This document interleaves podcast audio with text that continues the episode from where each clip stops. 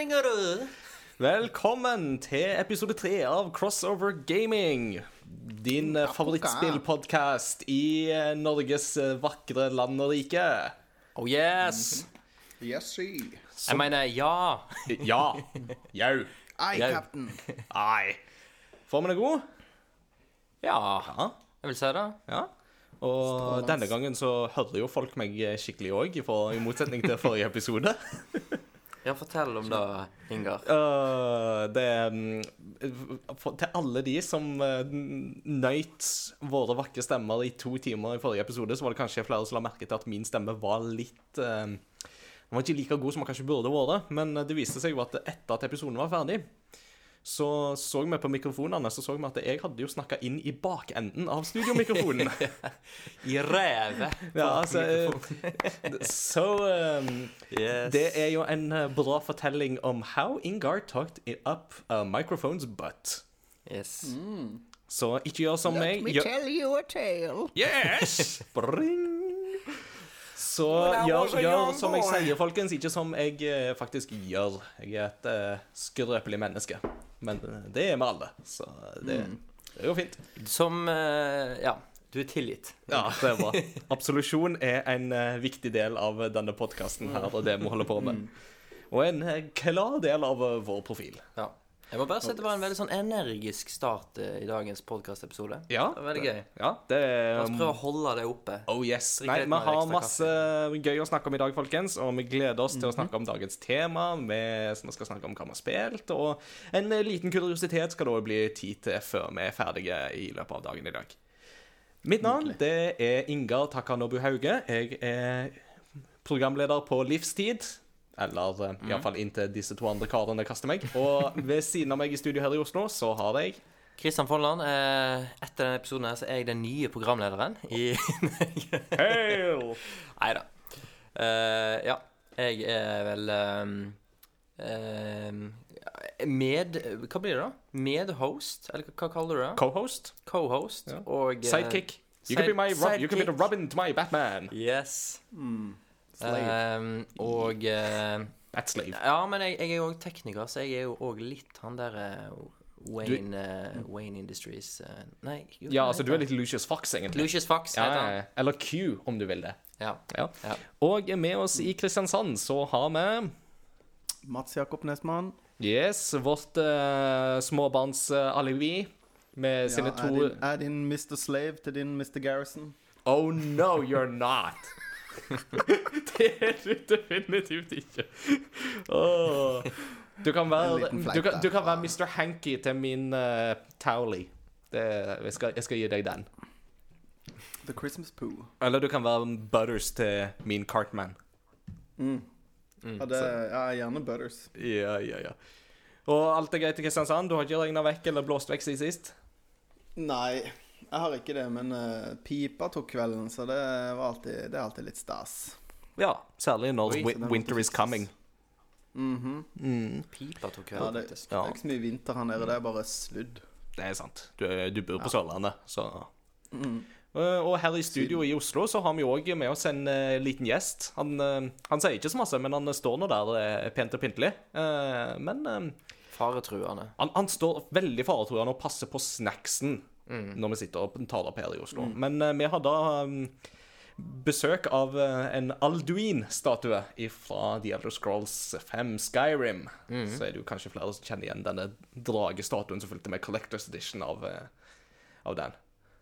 Han står vel over en sånn uh, dragon tablet uh, som gjør at du kan lære et shout i spillet. Det, det er riktig. Det er riktig. Nei, men han um, Altså, greia er jo at vi tar jo opp denne episoden um, Altså, jeg og, jeg og Christian, vi sitter jo da på, på mitt kontor her på Fjellhaug. som er der jeg jobber. Um, og der på kontoret så har jeg denne Alduin-statuen ut denne måneden. For han er vandrepokalen på spillquizen på Tilt, som eh, mitt lag var med på å vinne. Yay! Så Feige lag. Feige lag. Ja. Så i episode 1 så snakket vi om min Judas-rolle. Uh, om hvordan jeg forlot dåke til fordel for Game Rectors lag. Men uh, nå eh, ble jo det krona med seier sist, så det Ja, det er salt i såret. Det er ja, ja. salt i såret. Så sånn går det når man går fra laget Masterballs til det nye laget Half-Life 3.7 Final Mix Episode 2 HD Collection Confirmed. Oh yes. Yes, det er faktisk vårt fulle navn. Det er et slit å skrive sånn fire ganger i løpet av en quiz, så vi lurer på om vi skal få oss et stempel. Som bare sånn Ja, det er litt Ja, sånn jeg tror- se scenebetennelse-framkallelse, egentlig. mm, Absolutt. Jeg tror Jon Cato heller ikke er så veldig blid for at dere har hatt så langt navn.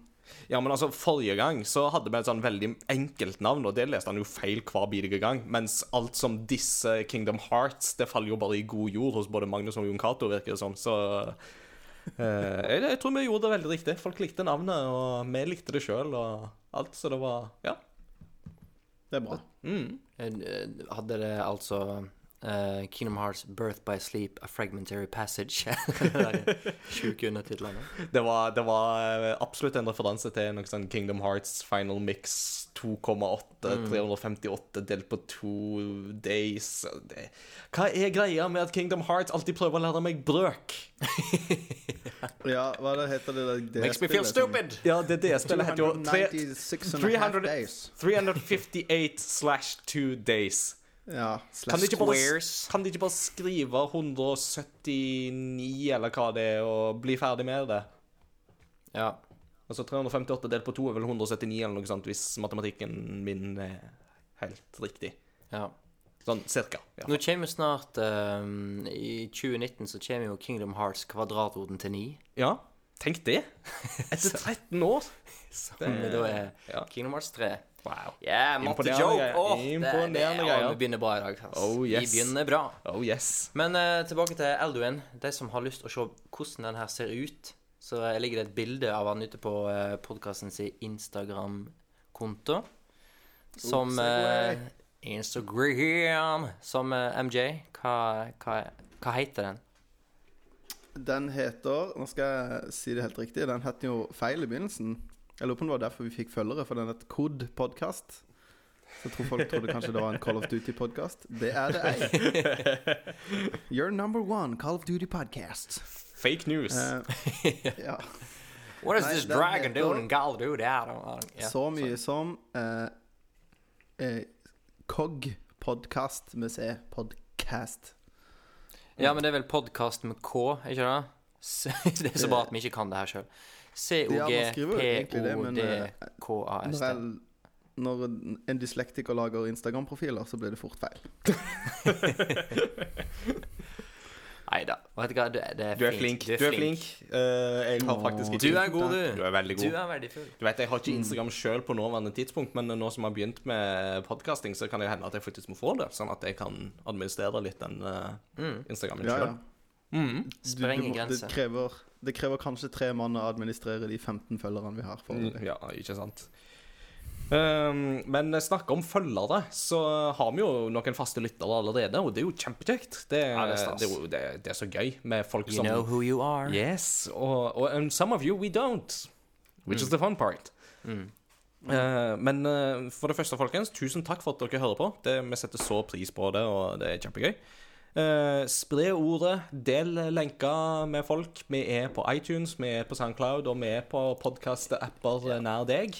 Så det er bare å spre ordet, og vi vil veldig gjerne skape et eh, community rundt dette her, og virkelig på en måte engasjere oss sammen med dere. Og det vil vi jo få til i litt langt større grad etter hvert som vi får eh, både Facebook og nettsider på plass. eh, Som, som er under arbeid. Eh, ting tar tid, men eh, det skal gå så veldig bra.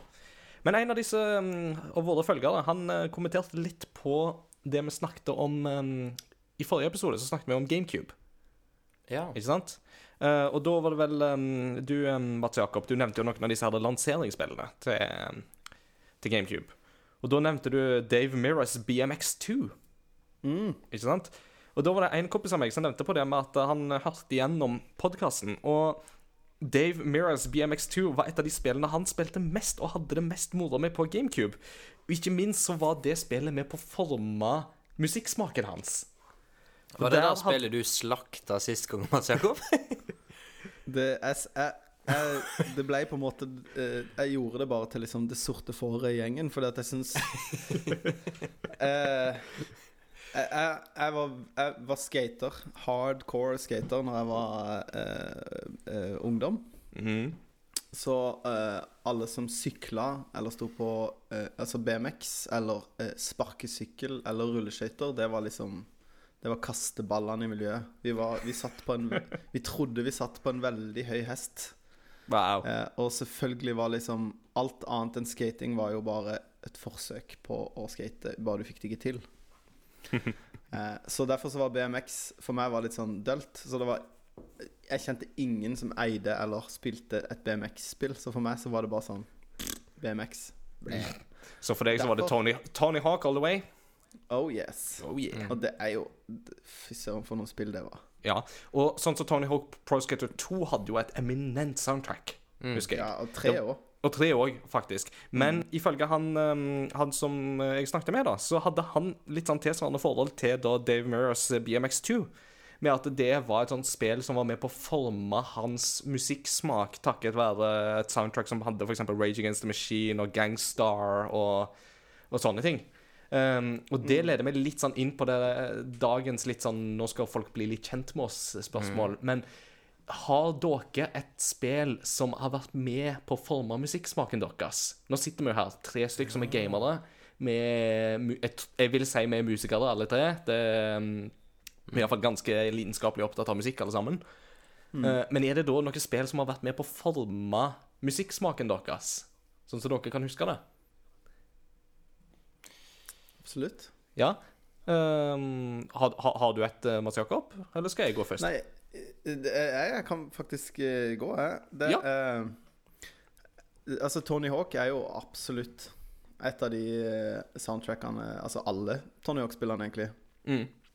eh, som har bidratt til at jeg har hørt musikk. Altså, det var jo Når vi var unge, så var det jo liksom CD-er og brente CD-er, og noen var jo tidlig ute med torrent-filer og lasta ned musikk og sånn. Men Mixtapes. det var jo litt sånn Ja, alt var jo word of mouth, på en måte. Du hørte jo bare om musikk som andre anbefalte, eller Du Det kosta jo så mye å kjøpe musikk, så du gikk liksom ikke bare inn og bare tok en random plate, liksom. Nei, nei. Med mindre den var veldig billig. Mm. Så det var jo en fin måte å liksom høre musikk på. Så for eksempel eh, eh, Jeg syns jo det var dritkult at det var Chili Peppers med Jeg husker ikke om det er to eller tre, med Fight Like a Brave og Mm. Eh, det er jo helt eh, jeg har sånn der, Når jeg tenker på Tony Hawk, så tenker jeg på Tony Hawk 2 og den første banen som heter Hangar, tror jeg. Er det ikke det den heter? Der hvor det er en sånn uh, luftflyhangar. Uh, fly, ah, ja. Og så åpner banen med at du renner ned en sånn lang bakke. Mm. Ned i på en måte hangaren. Og når jeg tenker på Tony Hawk, så tenker jeg på at jeg renner ned der, og at eh, Ace, of, Ace of Spades begynner med Og bare Nå skal jeg skøyte! Og jeg bare ble så fyrt av det. Så det er liksom Tony Hawk-minnet mitt. Men- det er smooth. Jeg tror et av de spillene som har liksom eh, Det spillet som fikk meg til måte digge spillmusikk, da For å ta Mm. det på den andre veien. Jeg har jo alltid vært glad i musikk og alltid liksom funnet musikk. Men, eh, men eh, Ocarina of Time er sånn All musikken derfra er sånn s- eh, jeg, jeg tar meg sjøl i å synge på det liksom fremdeles. Mm.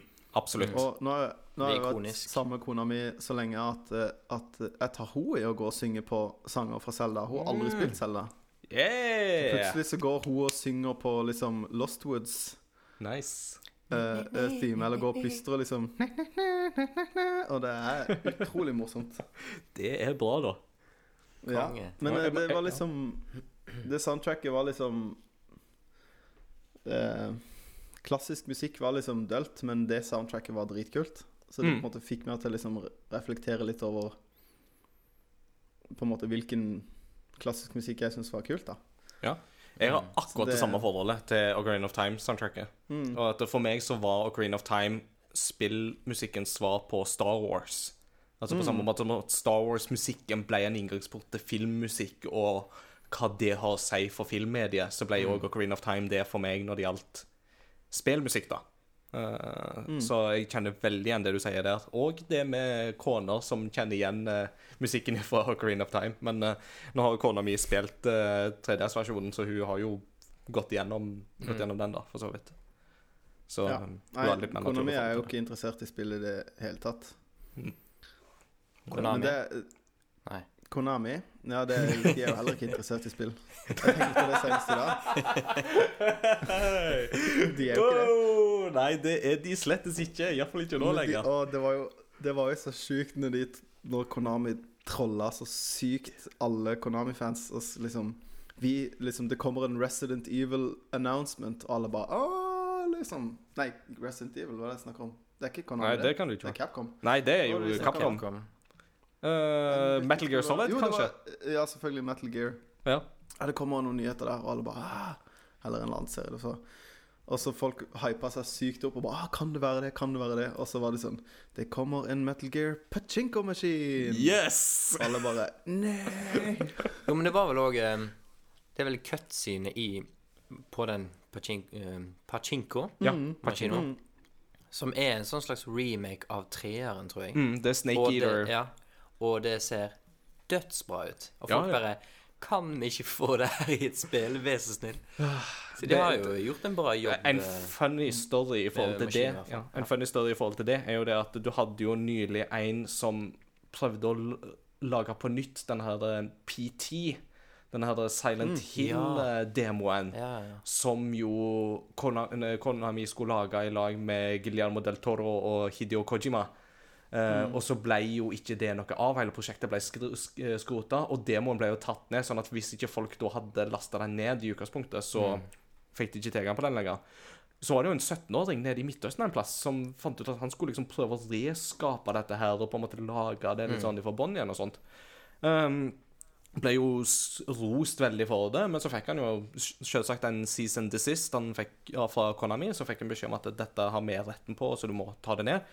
Men eh, vi har lyst til å satse på vi, mer på spill igjen, så, har, så vi vil gi deg tilbud om en internship eh, hvis du har lyst på det. Men jeg syns ikke det er fint av Konami å lyge til 17-åringer, altså. Det, at de har lyst til å satse på spill igjen, den tenker jeg litt sånn eh, not- Det er ikke fint å lyge til mindreårige. Nei. Så, Nei, det er ufint, altså. Ja, det er ufint. Men nei, jeg, eh, jo, jeg- det, jeg skal bare si, jeg tenkte, jeg tenkte på Konami da. Det var morsomt vi begynte å snakke om det. For det at, eh, jeg har tenkt på det at liksom, ja, de lager jo ikke spill lenger.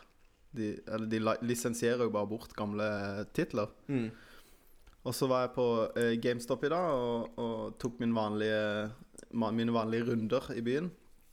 På butikker og var en tur på Outland og sånn. Og så oppdaga jeg, for jeg, som jeg nevnte sist, jeg er jo blitt eh, megaavhengig av Pokémon-kort igjen. Og eh, var skulle kjøpe noen Pokémon-kort i dag, og da kikka jeg på Yu-Gi-Oh-kort. Uh, Ja. Og de er det Konami som lager. Så jeg tenkte sånn, de lager Yu-Gi-Oh-kort, eller sånn trading card-kort og pachinko-maskiner, og de lisensierer IP-ene sine ut til liksom hvem som helst. Det virker Mm. ikke som de på en måte har noe selvrespekt igjen. Det er helt sånn utrolig sånn eneste Altså, de Ikke det at omtrent- Yu-Gi-Oh ikke er selv, selvrespekt, men de har jo på en måte Hva ja, mener Det du er med helt det? merkelig. Uh, det, det, det, jeg føler jo det at det eneste Konami lager nå lenger, det er jo Pro Evolution Soccer. Og det skal de for, for så vidt ha kred for, at de holder ut med den i kampen mot Fifa år etter år, for at Fifa trenger den konkurransen, altså. Ja, ja. Så det, det skal de ha, altså. Eh, men Ja. når du da snakker om uh, Yu-Gi-Oh, så må jeg jo bare skyte inn Yu-Gi-Oh Abridged på YouTube en så funny. Det er jo da rett og slett en fyr som tar og liksom redubber hele Yu-Gi-Oh, men da liksom bare legger på all mulig sånn nonsens eh, Ja. eh, i stedet for sånn at de snakker jo bare tull. Eh, li Tenk litt sånn som den der uh, Pocahontas-dubben, han der mm. nordmannen som Ja, som lager den der Pocahontas-dubben. Litt, litt, litt den typen underholdning.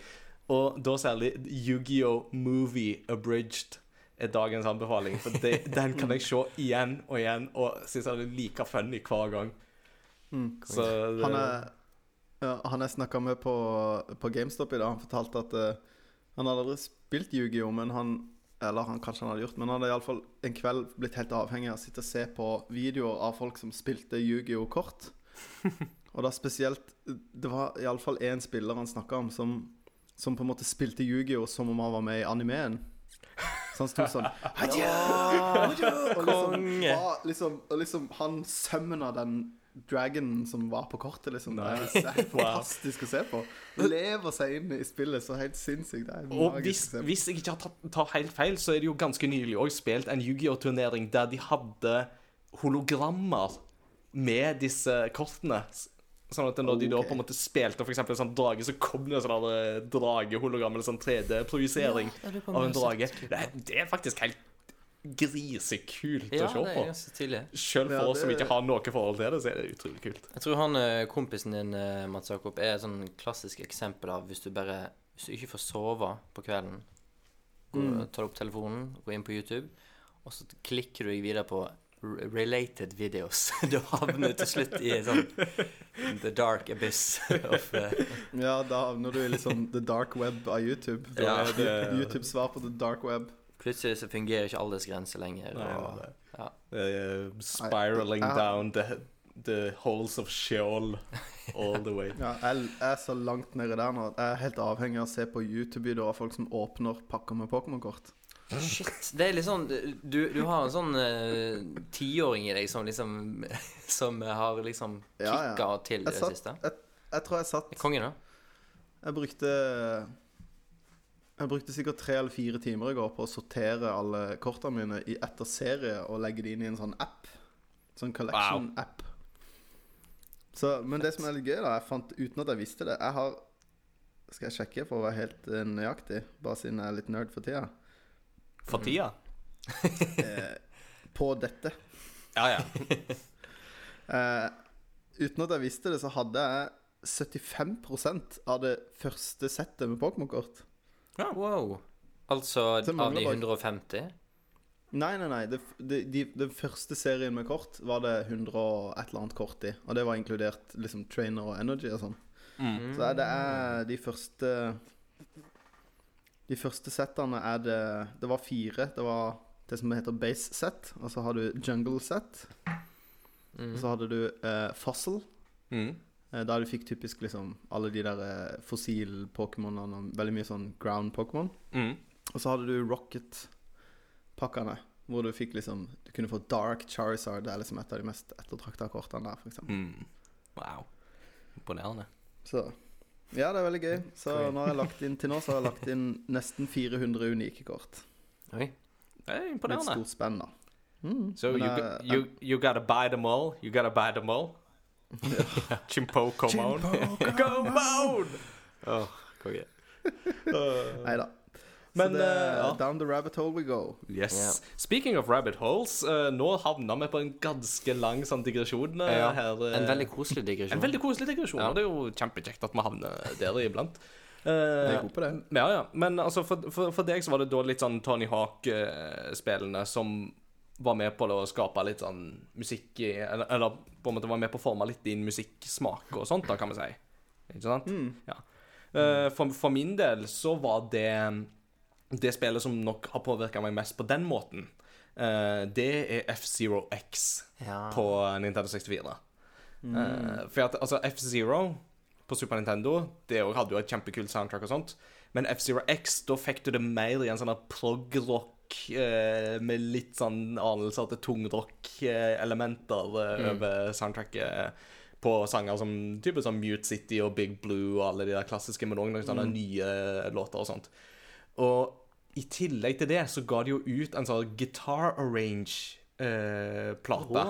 Eh, der den F-Zero-musikken er Altså er spilt live med eh, git- gitarer og liksom hele pakka. Og det, det er sånn skikkelig sånn kul sånn prog-rock-tungrock-opplegg, eh, opplegg, altså. Og, og det var nok absolutt med på å forme min musikksmak med tanke på min nåværende interesse for tungrock og metal og prog-rock og liksom den type musikk. Så det der, det med liksom altså Fødsel og fest, alltid best.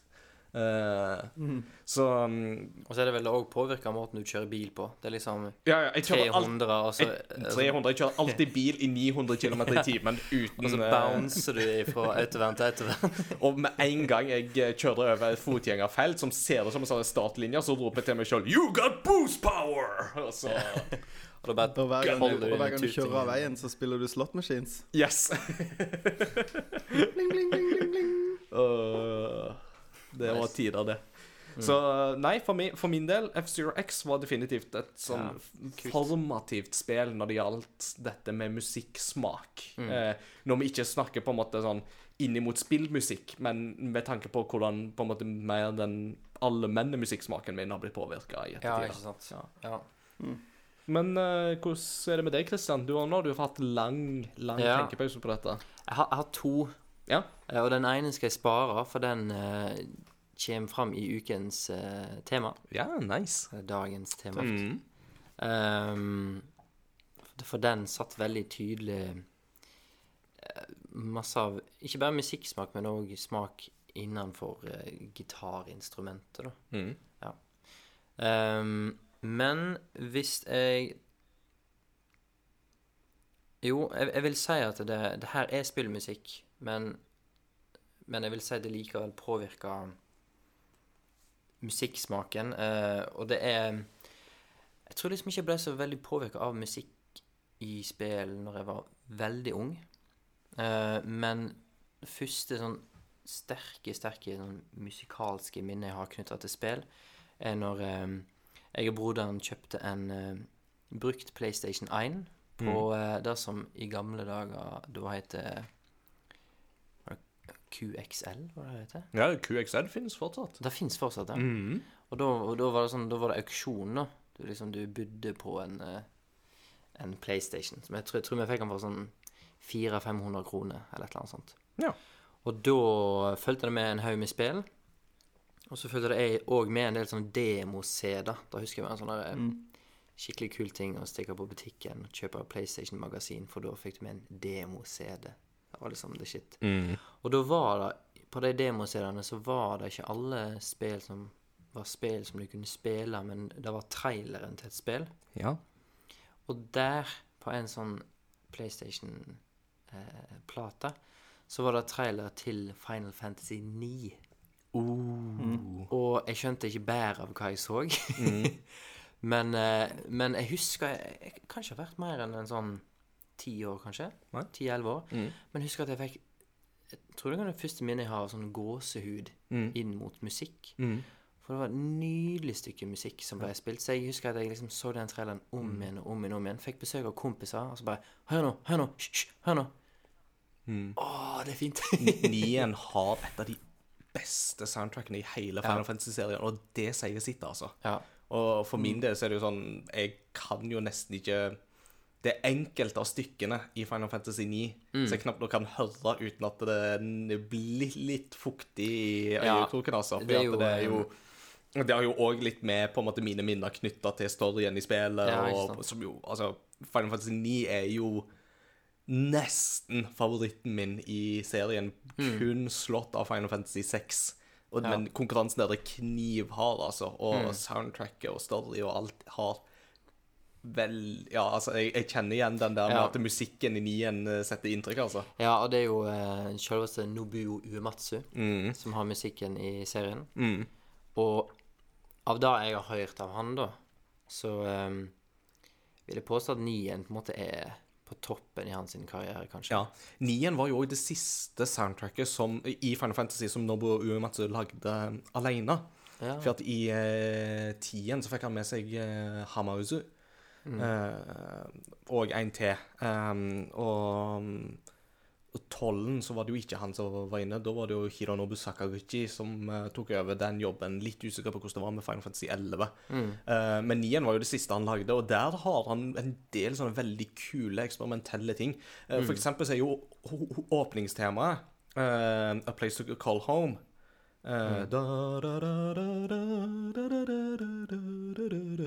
Det er jo skrevet på en av disse gamle kirketoneskalaene.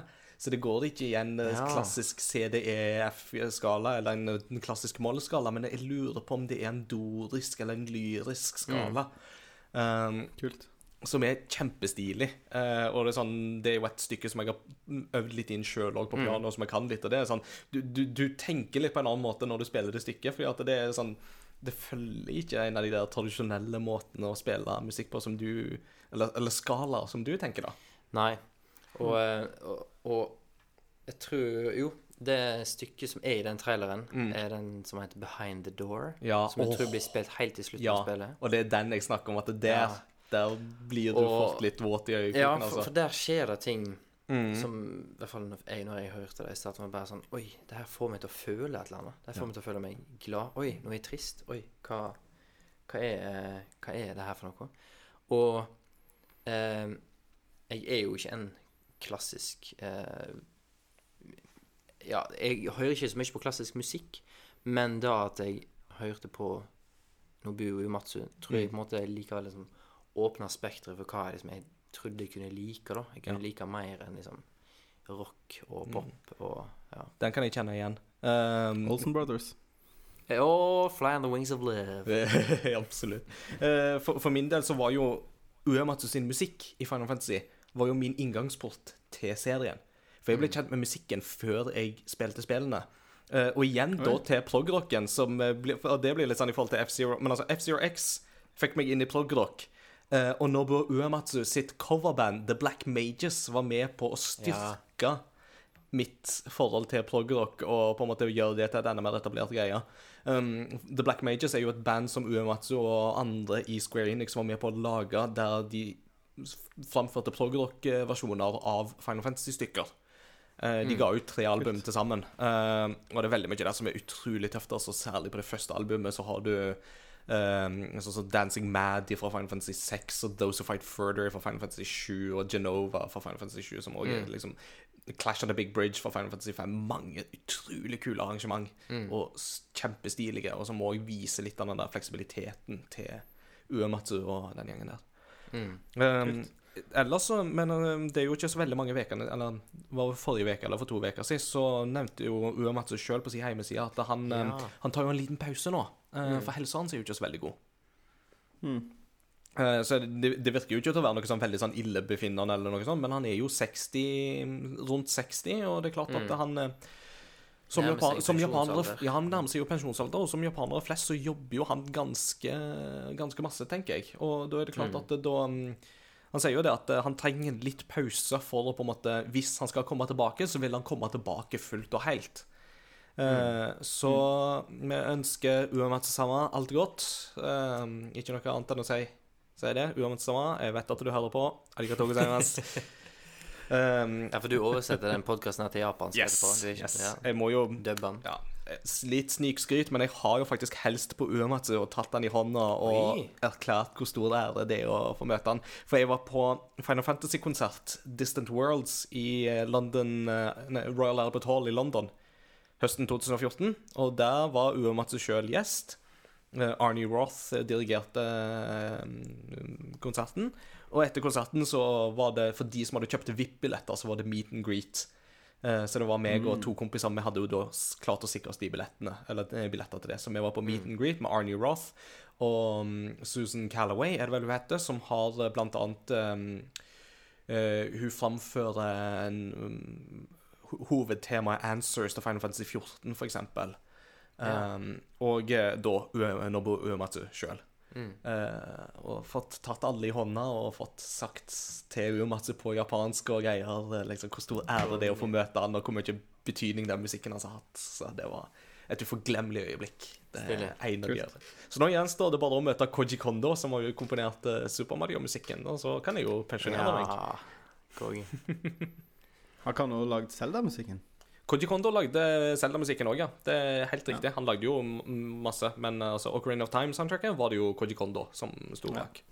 Men mens vi er inne på uh, sånn orkestrert musikk og um, legendariske komponister Ja. Du skal jo snart på en veldig kul konsert, du. Det skal jeg, vet du. Om uh, to ukers tid så har jeg endelig litt ferie. Og da, da skal jeg til London igjen.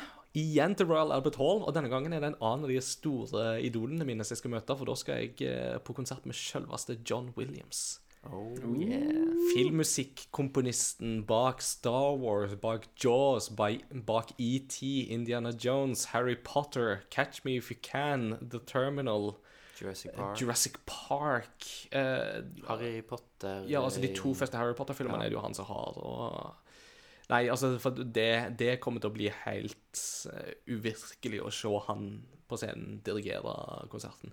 Um, der, er um, der, der må jeg eh, gi en takk til en annen podcast, uh, spillpodkast, nemlig Radcrew. For det var Jostein Hakestad på Radcrew som nevnte det i en Radcrew-episode, at han skulle Ja. på, den, på den konserten. Og Mm. da googla jeg det og fant billett, og fikk kjøpt meg billett. Så det, det er jeg veldig takknemlig for, og ser veldig fram til den turen der, altså.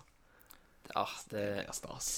det unner vi deg. da tar jeg med meg Switch og Vita og spiller litt på flyet og sånt Vita, ja. underveis. Hva, hva spiller du da? Hvis du nå tar med deg Vitaen. Nei, akkurat eh, Jeg holder på med litt sånn Persona 4 litt sånn innimellom nå og da, og prøver å bli ferdig med det. Eh, Mm.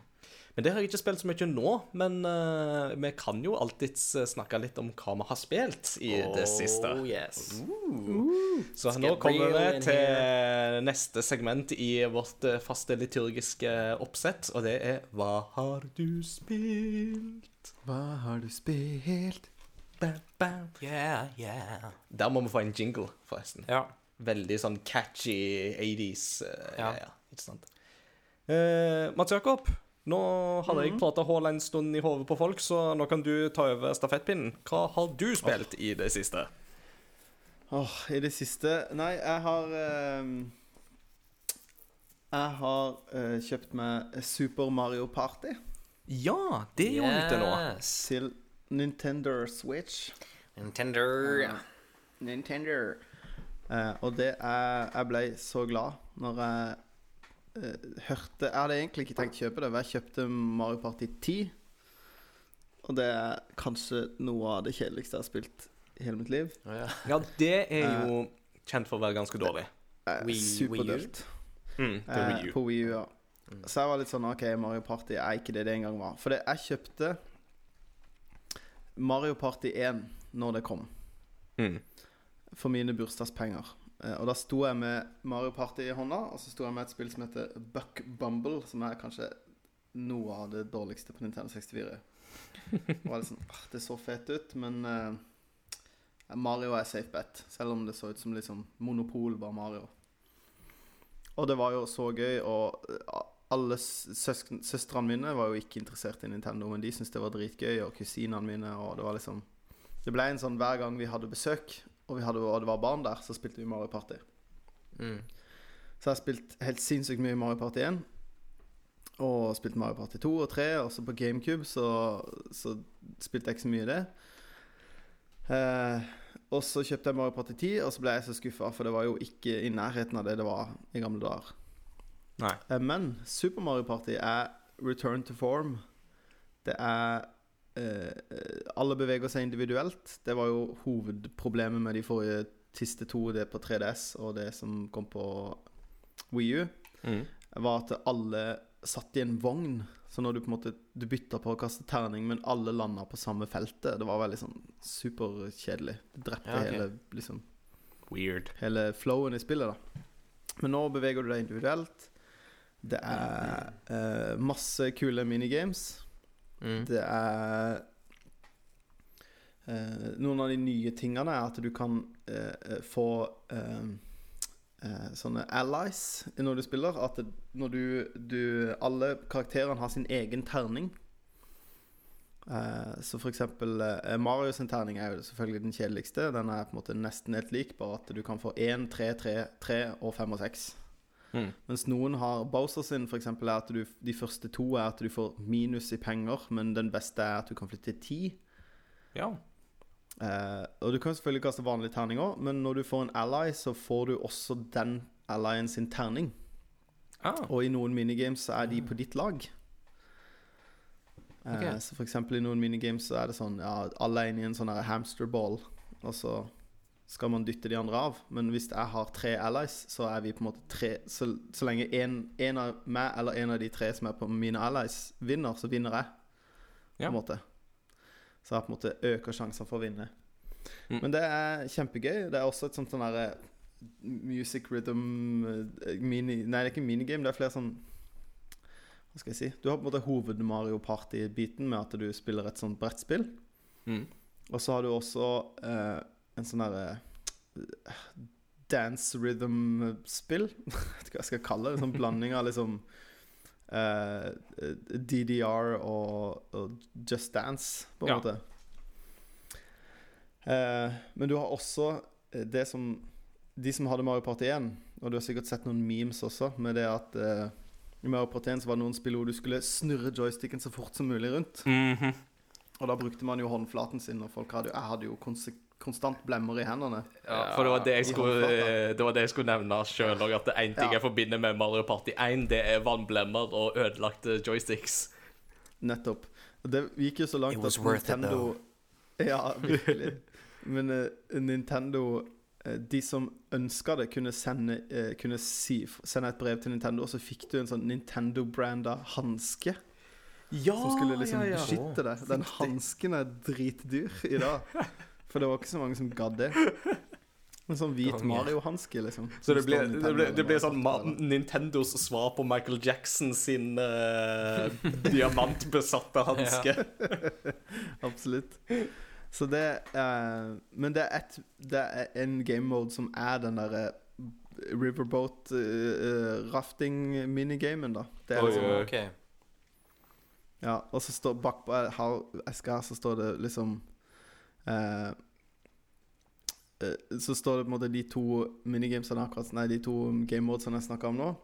Og da står det 'Feel the rhythm and the river in the palm of your hand'. Så de, har, de er åpenbart klar over at det var liksom en stor greie på ja, 90-tallet, når det spillet kom. Åh, det er nice når utviklere slenger inn sånne små eh, Små mm, easter eggs, altså. Mm. Mm.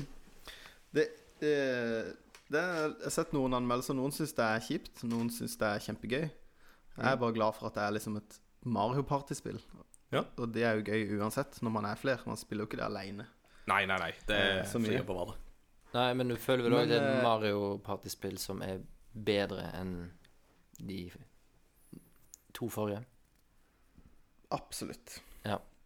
Og det er bra. Så eh, hvis du har en Switch og venner Det kalles meg det. Eh, så anbefaler jeg det.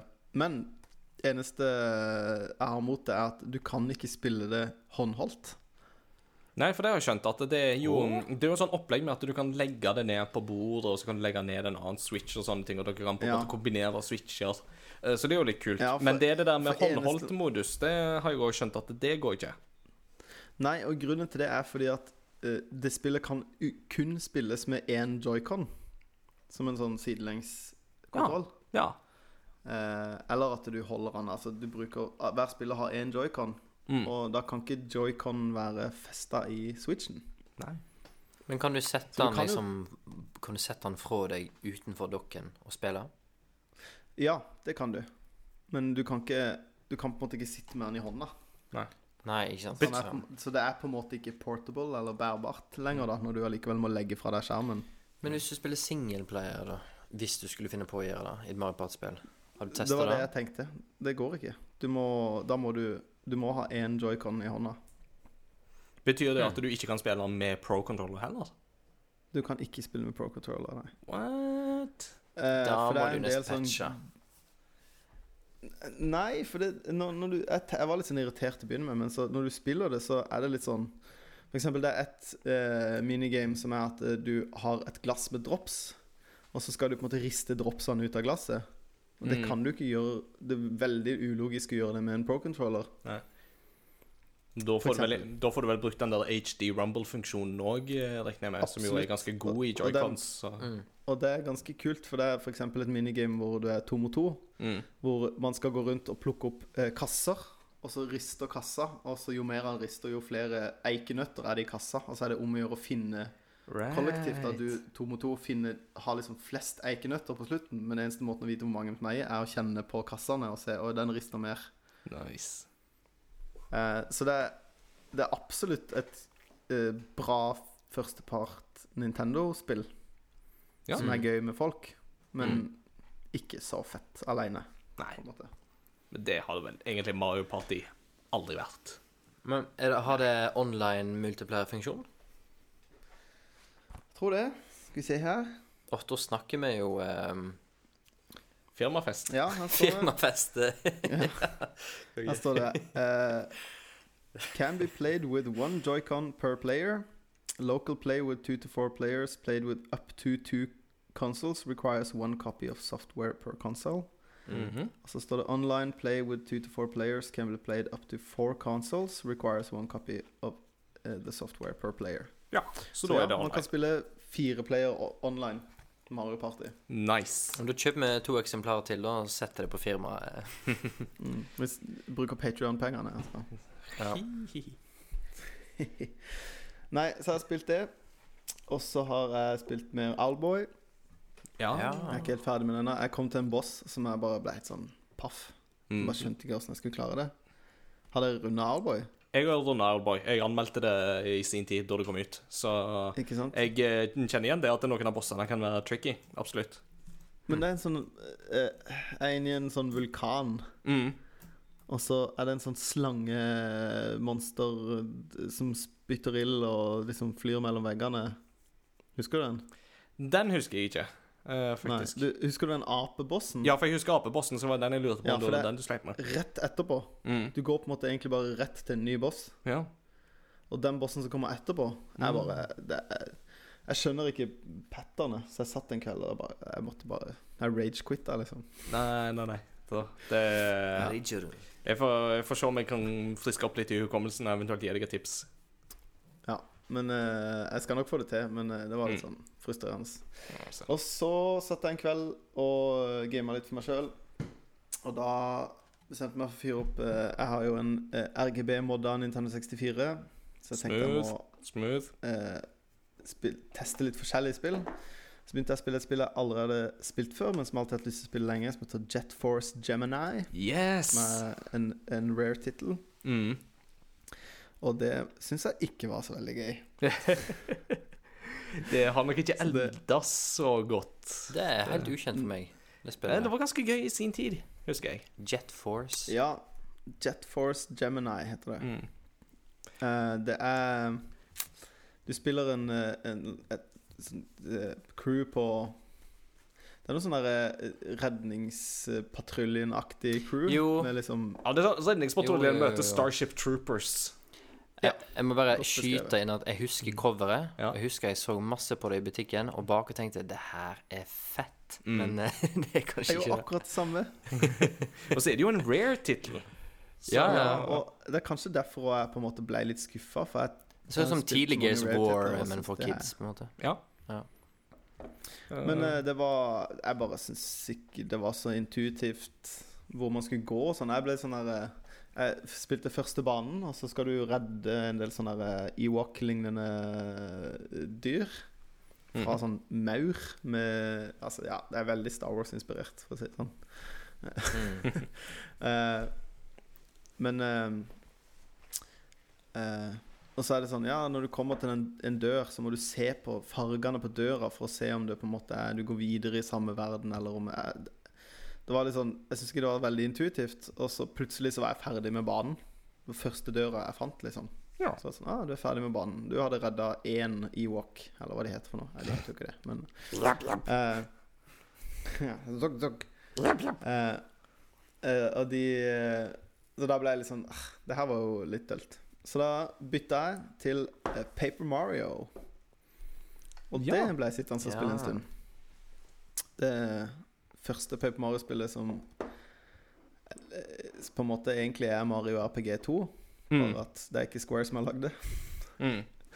uh, men det er, ja, det er så morsomt. Det er så gøy skrevet, og det er fiffige gameplay-ideer og Ja, de, det er veldig sånn meta til tider òg. Veldig sånn selvbevisst Mm. humor. Ja, det er det- veldig gøy. Kjempekult. For jeg har spilt uh, Thousand Year Door på GameCube, og jeg har spilt det på Wii. Jeg har ikke spilt det på Wii U. Color Splash, tror jeg det heter. Mm. Men uh, jeg har det, men jeg har ikke spilt det. Ja, samme. Uh, så alltid at liksom, det har vært litt sånn på bucketlisten min å spille det. Men Ja. å begynne på et RPG er jo litt sånn Det er ikke bare å begynne på et nytt Time RPG. Du vet jo at det tar litt tid. Mm. Mm, det tar alltid tid. Mm. Men jeg følte det var way overdue. Ja.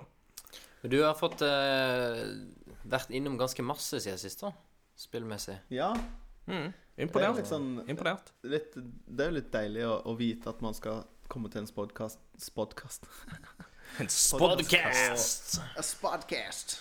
Han spotter og liksom, eh, mm, It's a new og bekjenne syndene mine. Så da føler jeg at jeg må synde litt før jeg skal bekjenne dem. Five, five Hell Marys and two Hello Dollies. Yes. Well, hello, darling. Dolly. Og så har jeg spilt et til spill som vi skal snakke om etterpå. Ja, riktig. All right. Så det sparer vi til da. Ja. Mm. Ingar? Ja, altså Mats Jakob her nevnte jo på det med at den, eh, det å begynne på et nytt RPG, det er jo sånn time consuming eh, business og sånt, og det passer jo veldig godt til noe jeg har satt og spilt siden sist. Okay. For at jeg har endelig blitt ferdig med Xenoblade Chronicles på Wii. Oi! Yes! Og det begynte jeg på What a guy. Altså, det kom ut i 2011. Jeg har begynt litt sånn av og på på det flere ganger. Og så i 2015 så skulle Xenoblade Chronicles X komme ut til Wii U. Og da var jeg sånn OK, nå må jeg få spilt gjennom Xenoblade Chronicles fra start til slutt.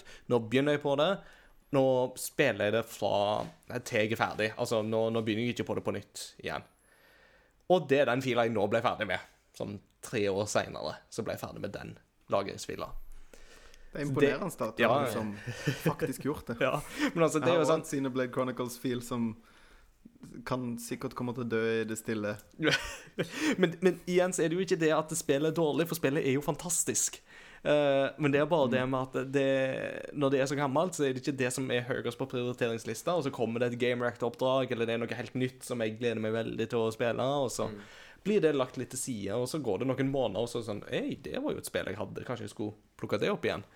Um, så nå, etter at jeg ble ferdig med Valkyria Chronicles 4, uh, som jeg jo snakket om sist gang Der uh, nevnte jeg forresten feil i forrige podkast. Jeg gikk litt surr, men jeg sa at det spillet kom ut i Valkyria Chronicles 1 kom ut i 2003. Det var helt feil.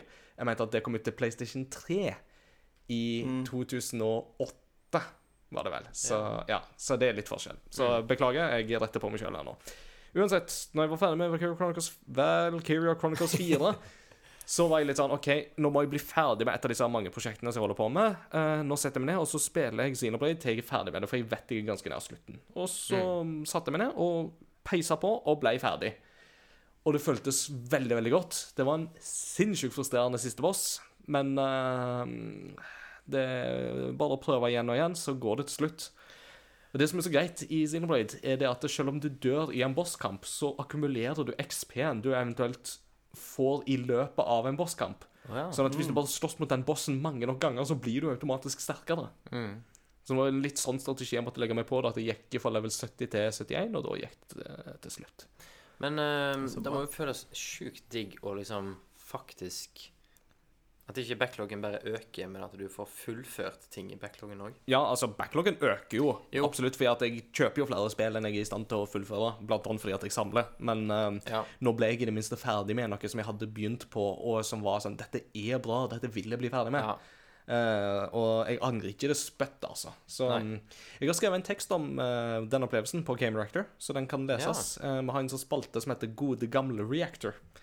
Der vi, Ok. sånn, vi, vi går tilbake til spill som vi har spilt før, og så spiller vi det igjen nå. Og så er det litt sånn, ja, hva syns jeg egentlig om det nå, liksom, når jeg går tilbake til det? Så det er ikke en retroanmeldelse, men det er mer en sånn hvordan oppleves det å gå tilbake til det med dagens inntrykk og Mm. sånn. Og ja, altså, Xenoblade Chronicles var det var veldig hemma av å bli lansert på Wii i 2011. Det ser ut som et seint PlayStation 2-spill. Altså, det ser ut som Final Fantasy 12. eh, og blir holdt veldig igjen av det. Eh, og det er veldig synd, for det er et knallvakkert, ambisiøst og stort spill som fortjener egentlig en eh, remake, altså. Men eh, da, altså story-wise og kampsystem-wise og utforskingselement i det, altså alt sitter jo fortsatt som en perle, altså. Så det er, og så elsker jeg jo denne her mytologien i i spillet. At du går basically rundt på to kjemper som Ja, står på et endeløst altså. endeløst hav. Det er sånn eh, Altså, teologen i meg kjenner jo at det der er bare sånn Ah, this is so awesome! Altså, hvis du, hvis du zoomer ganske langt ut, så er du egentlig en lus. Ja, på du er en lus på kneet til Bionis, og så ser du McConnis, den andre kjempen, liksom Mm. langt borti horisonten, og det er så Det er så majestetisk. Ubeskrivelig følelse, altså. Så det, det har jeg blitt ferdig med. Uh, og så har jeg spilt Megamann 11. Ja. um, som jo Eh, er Gutter, Ja. I gotta go see a guy about a thing. Yeah, you go and see a guy about a thing. Eh, Thanks, man. så, men jeg kan jo snakke om Megaman 11 i mellomtida. Mm, um, ja.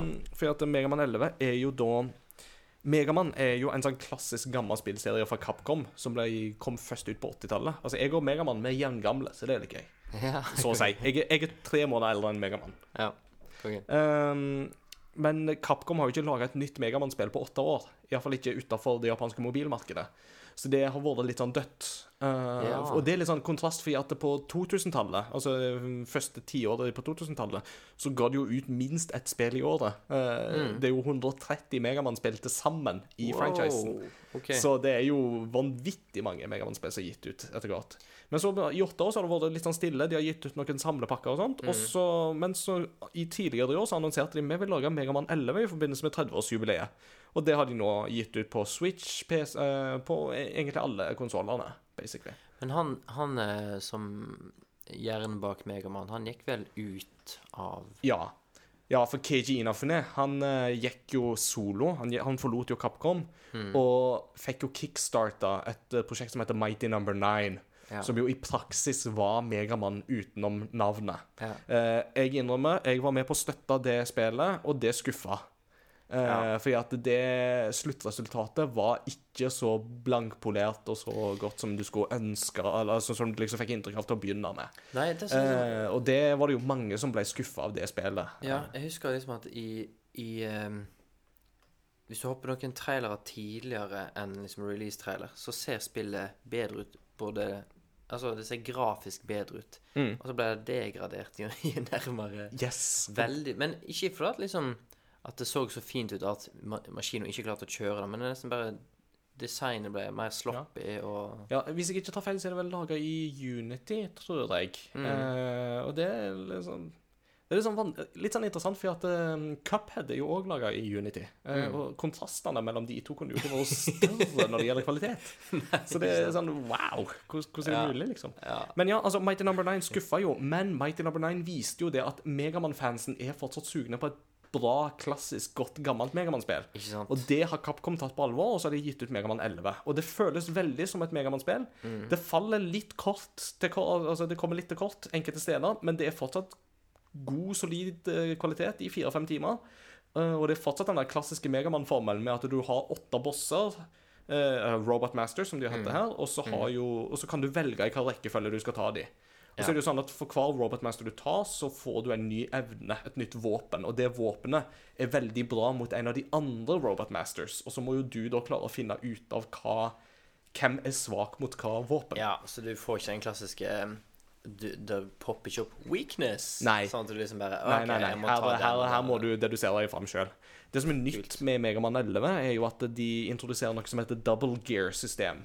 Som er at Megamann altså for kortere perioder så kan han bevege seg raskere, eller han kan øke kraften i våpenet sitt. Ja. Men hvis du har det på for lenge, så overpeter han, og det liksom Ja, og du Ja. mister den evnen for en tid, da. Ja. Og den evnen har jo bossene òg, så det er veldig mye av gameplayet som er på en måte går rundt det. Så det er veldig stilig. Eh, og det Ja. Så Nei, nei, altså Da Jeg har spilt litt eh, X- X-mann, holdt jeg på å si. Megaman X. Megaman X. Yes! X-mann. Mann. uh, og... Som vi har på nøkkelringen din her, by the way. Ja Stilig. Konge. Ja. Og uh, da Jeg spilte det mest sammen med mitt søskenbarn Helge. Shout-out. Shout out! Um, og uh, da var det X-serien som var på PlayStation. Og da spilte vi en del X7 og 8. Ja, for det kom på PS2. Eh, det her var PS1. OK, da må det ha vært fire, fem eller seks. Ja, da var det sikkert 5 og 6, da. Ja. For jeg husker i 28 er rein dritt. Ja, Ja. det er helt sant. Jeg husker det var Ja. sjukt artig, og da kunne du spille som eh, Zero, eller Ja. hva han heter. Ja. Mm. Han kunne spille første gang i X3 på Ja. Super Nintendo. Kong. Han har et drittøft tema. Ja. Mm. Så yeah. Ja, det er en Eh, kul så- serie, da. Mm, så Megaman 11 anbefales absolutt for de som er nysgjerrige på Megamann. Og for de gamle fans òg, så er det mye gøy å hente her, da, altså. Så kan anbefales. Og så har jeg spilt et tredje spill, eh, og det er Spiderman. Yes. Endelig så har jeg eh, fått gitt meg mer i kast med Spiderman. Jeg kom faktisk akkurat nå til studio for etter å ha spilt det i halvannen time. Og jeg bare storkoser meg. Det er Ja. Altså, de har naila Spiderman-følelsen så til de grader.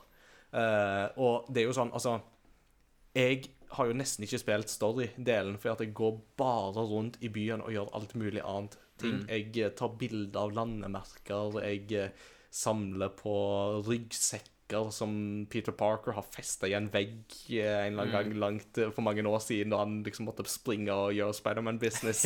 det, det er så funny, den detaljen der. Altså, det er sånn ja. Nå ligger det vel òg um, Så ligger det sånn alltid et eller annet. Ja, så ligger det alltid en eller annen sånn law-ting oppi der. Da. Det er sånn der, å, dette var siste kampen jeg og Uncle Ben gikk og så sammen. Ja. Dette var menyen for meg og Mary Jane, vår, vår første date. Å, jeg fant Spider-plushie! Det er en bamse som en fyr ville selge. Altså, ja. jeg, bare, jeg, må, jeg må skyte inn en spøk, en sånn tegneseriestripe som jeg så på Mm. nettet for Det er ganske lenge siden.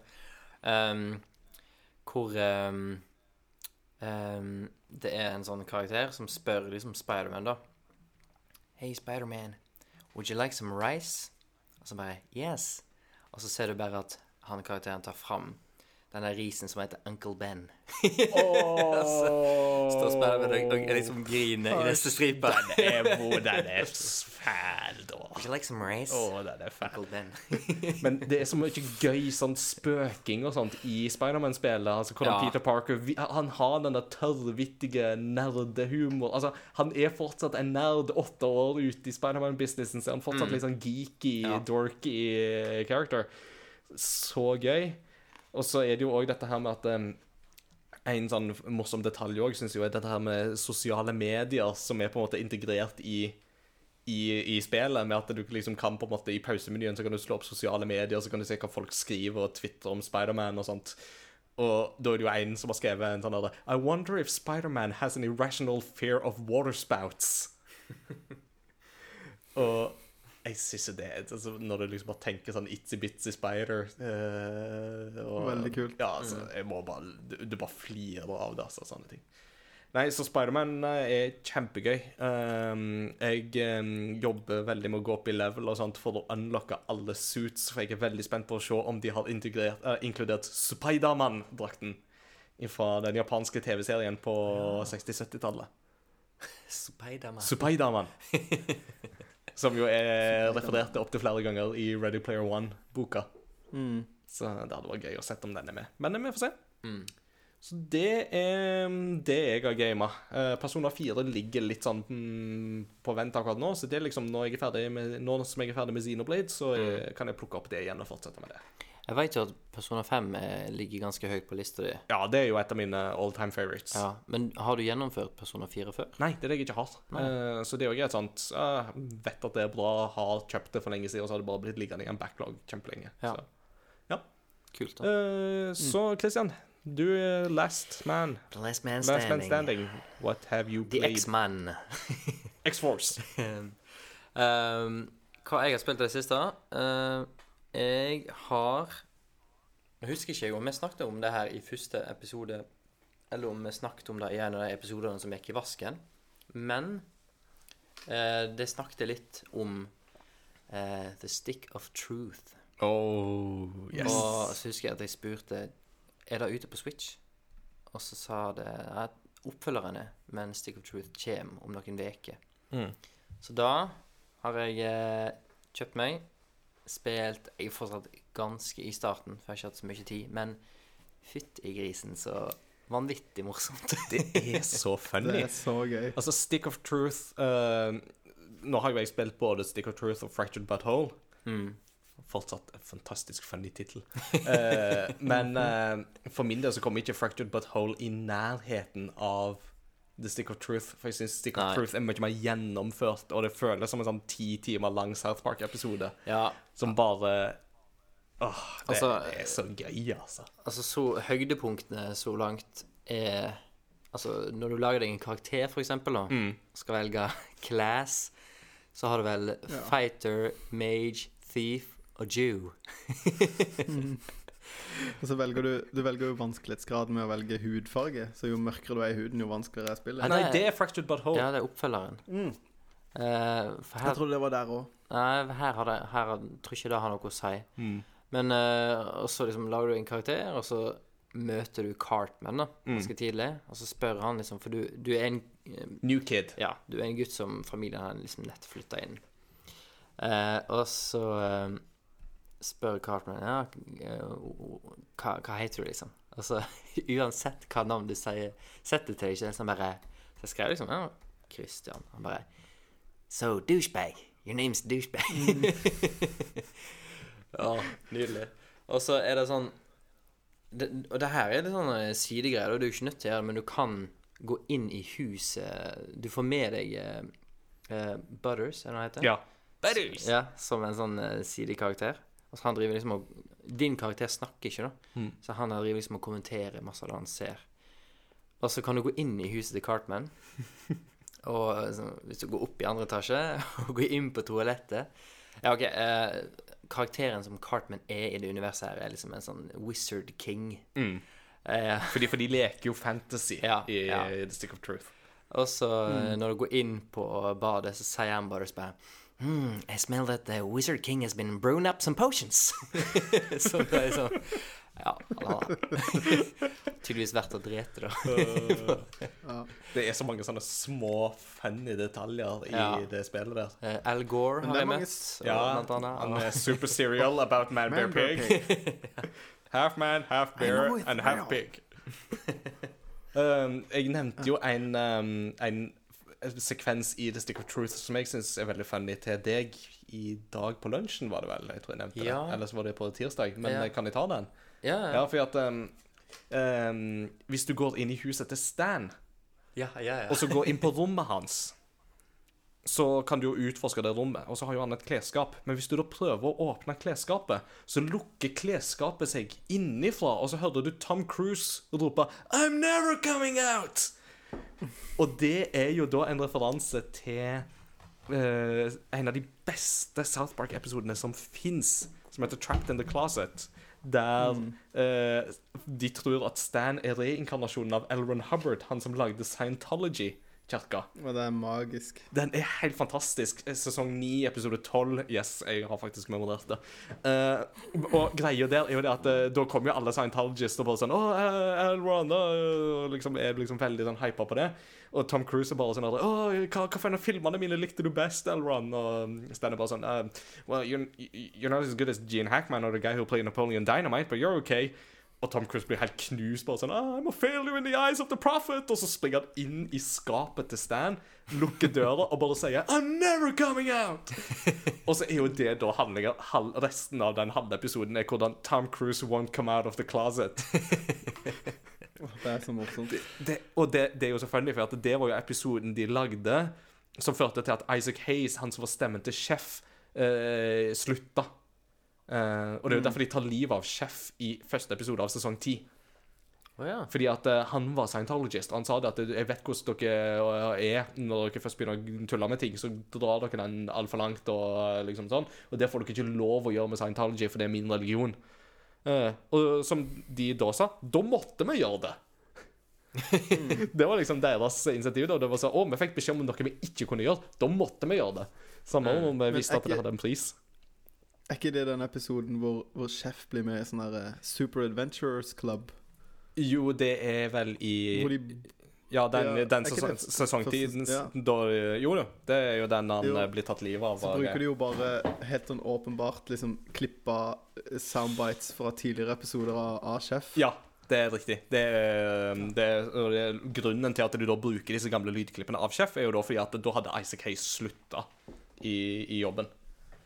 Tenk det. Så tenk det. det så det, men altså, sånne små detaljer som det der, er det jo strødd med i Stick of Truth. Mm. Og det er så funny. Ja, Men det morsomste i hele spillet er jo når du drar til Canada. Ja!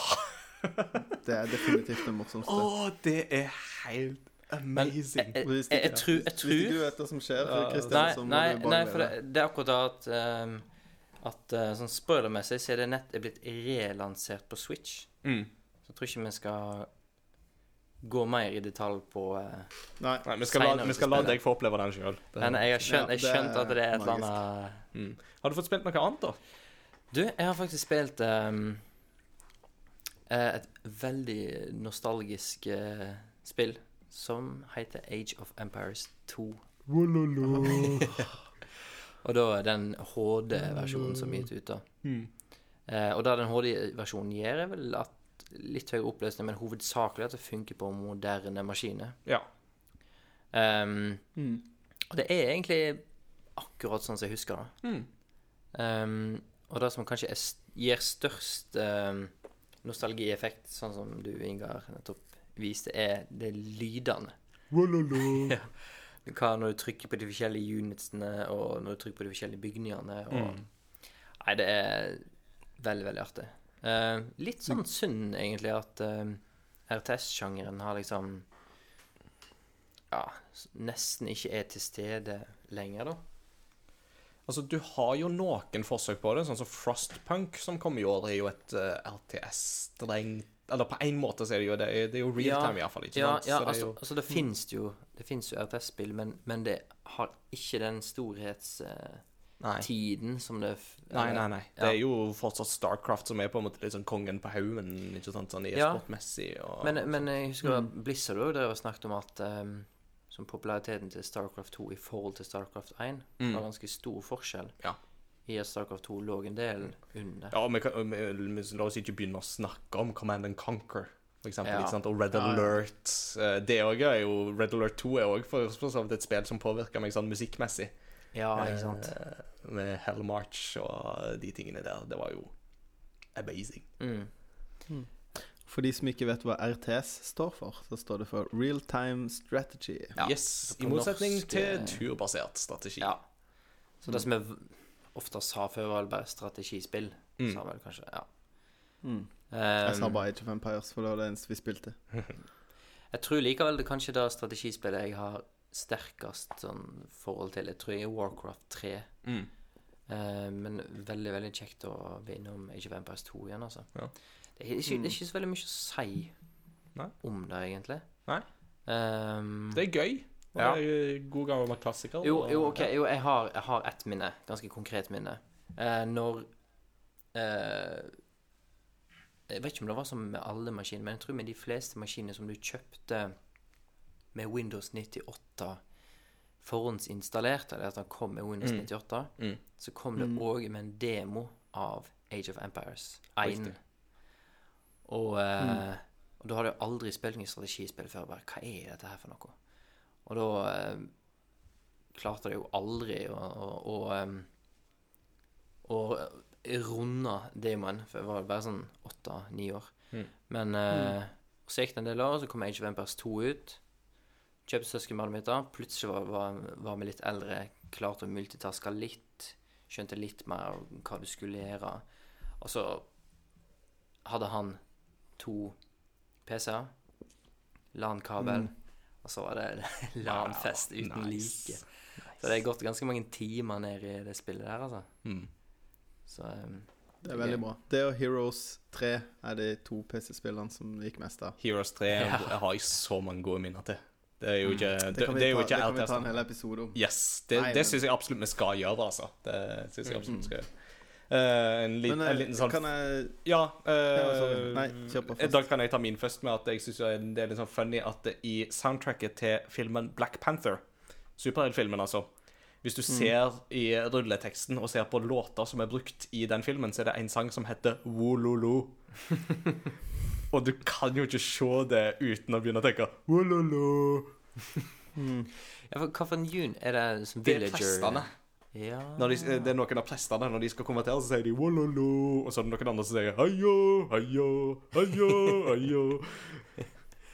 Altså. Jeg husker bare så godt den, den soundbiten som er når du, når du er ferdig med å bygge et hus. Så kommer det sånn der eh, bongolyd sånn Ja.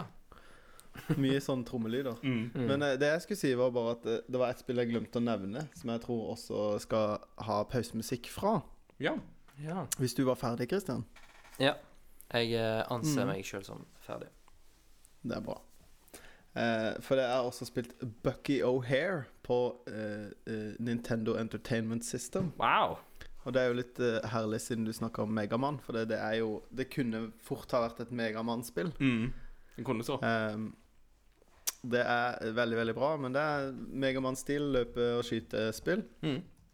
Men eh, det er lagd av vårt eh, kjære Konami. Eller det var vel eh, datterselskapet Palcom som ga det ut her Ja. i Europa. For det var jo begrensning på hvor mange spill et tredjepartsfirma fikk lov å gi ut på en, på en Nintendo-konsoll i året. Så de lagde et datterselskap og ga ut masse spill med det. Wow. Eh, og det spillet er veldig, veldig gøy. Eh, det er veldig sånn fast-paced spill. Mm. Um, og det har vanvittig bra musikk. Nice. Uh, så jeg tror den musikken vi skal få høre i pausen, heter F-musikken fra eh, The Yellow Planet. Hvis ikke Mm. jeg husker helt feil. Mm. Eller så er det Red Planet. Nei, det er Red Planet. Rød og gul All og hvit og svart. Ja, det samme har han Ja. sagt. Med Stemmer det det. så tar vi en uh, liten pause, og så Mm. kommer vi tilbake igjen etter pausemusikken, og da skal vi snakke litt om dagens eh, tema. Yeah. We'll be right back after these messages.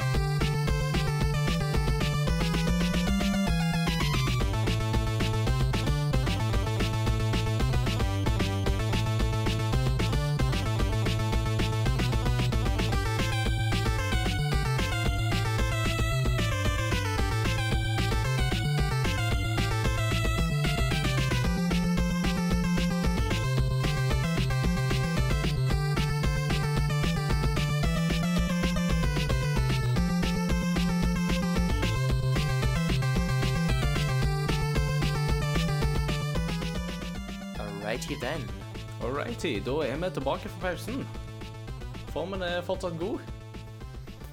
Ja. Oh yes. Det går som en dans. Ja, altså Det går som en dans. Det går som en dans, men det gikk ikke som en dans i stad. For rett før pausen Jeg vet ikke om det kom inn i mikrofonen, men det kom livets største edderkopp på gulvet. Og jeg elsker Spiderman, men jeg er livredd edderkopper. Så hvis dere hørte sånn der ekstremt tramping i bakgrunnen i stad mens dere Mm. hørte Christian rope 'Die, spawn of Shelob!' så var det grunnen til det. Eventuelt at jeg hylte så lyst at det går over den frekvensen som øyre hører. Sånn hundefløyte. Ja, dere, dere, dere hørte kanskje ikke Christian, men dere hørte alle bikkjene. Ja. Men eh, da kan jo jeg skyte inn, da, som tidligere eh, medlem av Norsk entomologisk forening, Mm. eh, at, eh, at eh, de største er det Altså, det fins jo ingen giftige edderkopper i Norge. Eh, og den største edderkoppen den kalles for husedderkopp. Mm. Den kan bli opptil 3-4 cm i bredde med beina, så den ser veldig stor ut. Eh, men eh, den liker seg på fuktige plasser, som f.eks. Eh, vaskerom, bad, Mm. kjellere. Kjellerleilighet. Og Eh, og den eh, spiser eh, andre insekter. Så hvis du har sånne edderkopper hjemme, så har du sannsynligvis ingen fluer i vinduskarmen. Nei, det er riktig. Så Så den er Christian, den er din venn. ikke krasj med den. is not. Ja. Så det, det var min lille appell, da. ja, ja. Dagens uh, lærerspalte. Yes. ja. Den pedagogiske hjørnet. Ja. Men eh, nå skal vi bedrive um, fra pedagogikk til folkeopplysning. Eh, nå skal vi gå over til dagens tema, der vi skal drive litt opplysning om et tema tema for folket. OK, Ja. det var en kjempedårlig Segway, men eh, jeg prøvde iallfall. I tried hard and I failed miserably. Try hard! Yes. Men uh, i dagens tema så skal vi til a long time ago. Men ikke til en galaxy far, far away.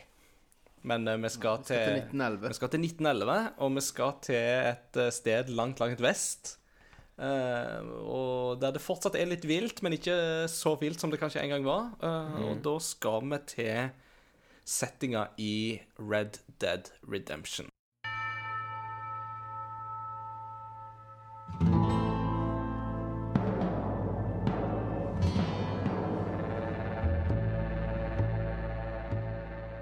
Armadillo. Yes. Armadillo Oh, yeah. og hele det området rundt uh, Rundt der som en utforsker i det spillet.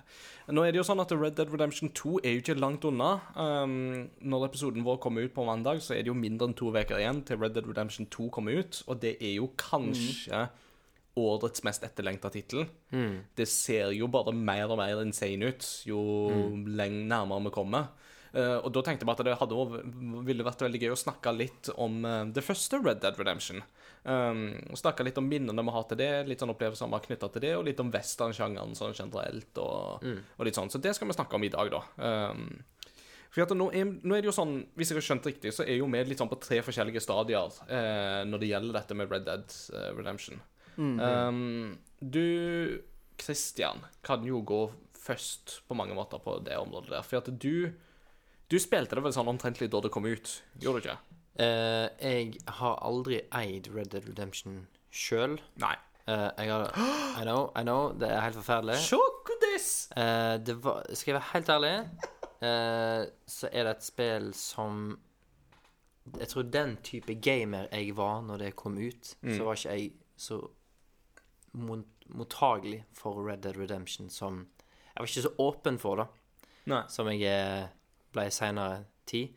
Men eh, det er kanskje I backlog-verden så er det kanskje det største røde lyset. Så jeg har sittet seine kvelder på Finn, sett på Xbox One S. Lurt på skal jeg kjøpe sånn at jeg kan spille Red Dead Redemption. For eh, har du PlayStation, eller har du det, For det kommer jo bare ut på Xbox og Xbox 360 og PlayStation 3. Har du PlayStation og bor i USA eller England, så kan du spille det gjennom PlayStation Now. Mhm. Men da kan ikke du i Skandinavia, da. Nei. Så Men eh, Så jeg er nok den som har spilt det minst av Deko. Eh, men jeg skjønte jo likevel at det her var noe stort. Og det her var et viktig spill. Mm. Ehm, Og jeg tror det overraska mange veldig over hvor eh, innflytelsesrikt det var. For det var, det var jo studio bak GTA, men mm. det hadde jo ikke GTA-tittelen i seg, som ofte kan hjelpe ganske på På salg, eksempel. Nei, ikke sant. Eh, men eh, jeg, jeg tror kanskje at jeg, som sagt, er den som har spilt det minst. Jeg tror jeg bare skal spytte inn litt uh, Skyte inn litt her og der Mm. når dere prat om det. Og Ja. det, så er det spesielt én scene som jeg har veldig lyst til å prate om. Ja, ja, men, det eh, kommer vi jo tilbake til. Definitivt. men ja. har du, du Ingar, du har jo runda det her. Ja, altså, for at eh, jeg var jo Altså, når vi snakker om dette her med backlog og sånt, så må jeg helt ærlig innrømme at eh, Red Dead Redemption har jeg ikke rørt og spilt før i sommer. I sommer så fikk jeg endelig somla meg til å spille det. Og da må man jo nesten spørre altså, hva er det som gjør at det tar åtte år før en spiller gjennom et spill som for veldig mange er kanskje Altså, veldig mange snakker om dette her som tidenes beste spill.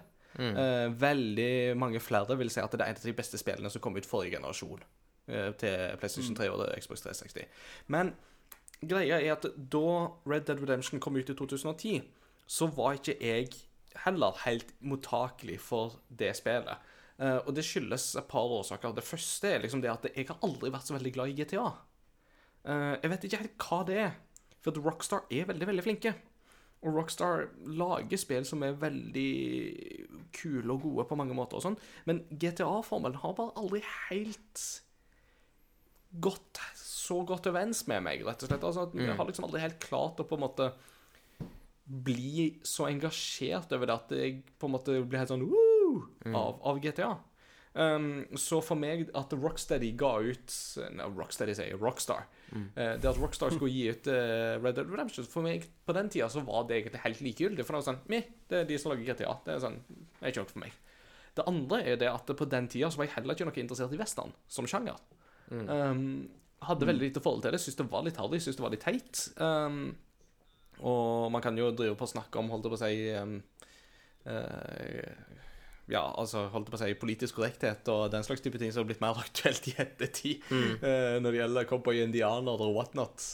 Eh, Men um, den interessen, derimot, for western har blitt veldig mye større siden 2010. Jeg har sett mer western, jeg har sett mer samurai-filmer som jo inspirerte westernfilmene, altså særlig da Akira Kurosawa sine filmer som Yojimbo og sånne ting, som gikk hen til å inspirere uh, Fistful of Dollars, Uh, som jo da ble den første av disse navnløse filmene til Clint Eastwood, som jo etter hvert førte til The Good, The Bad and The Ugly. Uh, Once Upon a Time in the West, um, The Hateful Eight, ikke minst, som jo var på Cinemateket her i Oslo og så på eh, så i 70 mm-format. the Way It Was Meant To Be Seen. Uh, True Grit, ikke minst. Den uh, nye versjonen som jo kom omtrentlig samtidig som Red Dead Redemption, egentlig, bare et par år senere. Men mm. så, det var, det var, kanskje var det True Grit som var på en måte med på å katalysere litt den uh, interessen med Jeff Bridges og, og den gjengen der. Uh, Matt Damon. og Matt Damon, ikke minst. Uh, med en like heftig bart som Henry Cavill har i dag. Så. Uh, og, og liksom etter hvert så på en måte fikk jeg på en måte mer og mer øynene opp for på en måte westerns og sjanger. Så jeg, i sommer så fant jeg ut at ok, nå er tida endelig inne for meg å sette meg ned og spille Red Dead Redemption. For nå kommer toen, og det kommer jeg ikke utenom som Game Rector-skribent. Det må jeg spille og på en måte være kjent med. Um, og jeg må si at det, altså tida for å spille Red Dead Redemption, det første, har jo nesten aldri vært bedre enn det den er nå. Fordi har du en Xbox One S eller en Xbox One X, så får du jo noen ganske gode oppskaleringer av Xbox 360-versjonen. Um, som jeg fikk kjøpt billig for en 50-lapp, Game of the Year Edition, med utvidelse av hele pakka. Um, så det kjører jo bunnsolide 30 bilder per sekund, og det er liksom i forhold til farge Fargepaletten fungerer mye bedre og sånt òg enn det den Altså, det er noen små forbedringer, men det er litt sånn, når du ser side om side sammenligninger og litt sånne ting, så ser du absolutt at det er, er ganske bra. Um, og det, så det å spille Red Dead Redemption i dag på en Xbox One S gir deg jo en bedre opplevelse av spillet enn det å spille det på en Xbox 360 gjorde back in the day. Så, Og det kan jeg jo absolutt si at det er jo kanskje det jeg er mest fornøyd med med min Xbox One S, er at det, det ga meg muligheten til å spille Red Dead Redemption. Ja. Um, jeg kan komme litt mer tilbake til liksom, de opplevelsene der, men uh, kan spille ballen til Mats Jakob uh, som sistemann, og dine opplevelser. Ja, uh, eh, jeg har eh, eh, noen venner som uh, kicka helt sinnssykt på det spillet når det kom. Eh, blant annet Sindre, når vi kommer inn første shout-out. Hey! Uh, shout-out til Sindre. Shout-out! Eh, Red Dead Redemption nerd nummer én.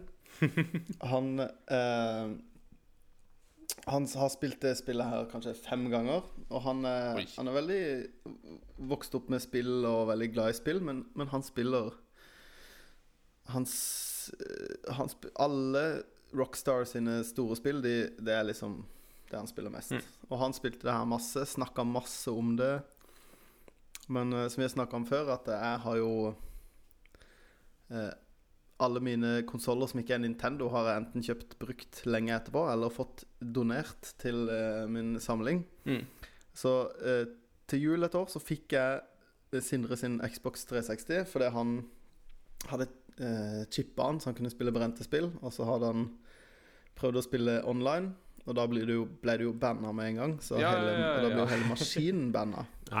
Så han kjøpte ny maskin når Mafia 2 kom. Ja. 3, husker du? Det var 2, for 3-en kom jo ut i fjor. Ja.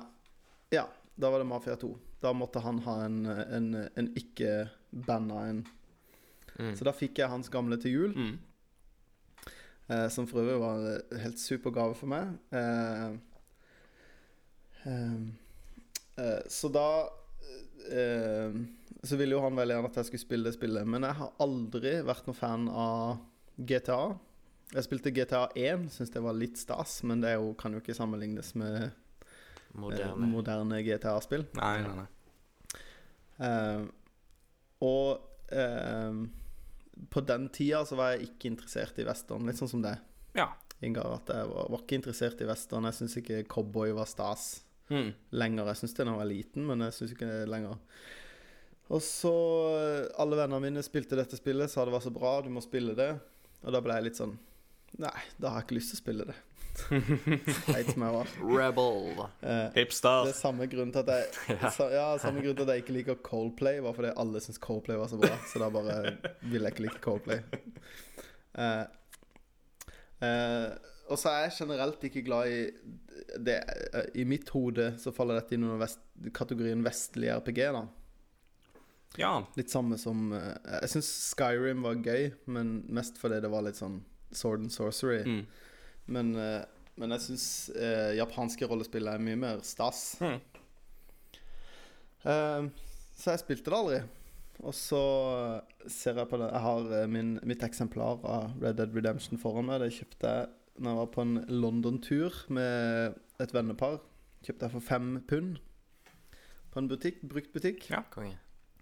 Eh, og begynte å spille det for noen måneder siden. ja. Eh, og det er jo Det er veldig kult. altså, jeg skjønner jo at eh, jeg gikk glipp av noe når jeg på en måte var teit og sta og ikke ville spille det før alle spilte det.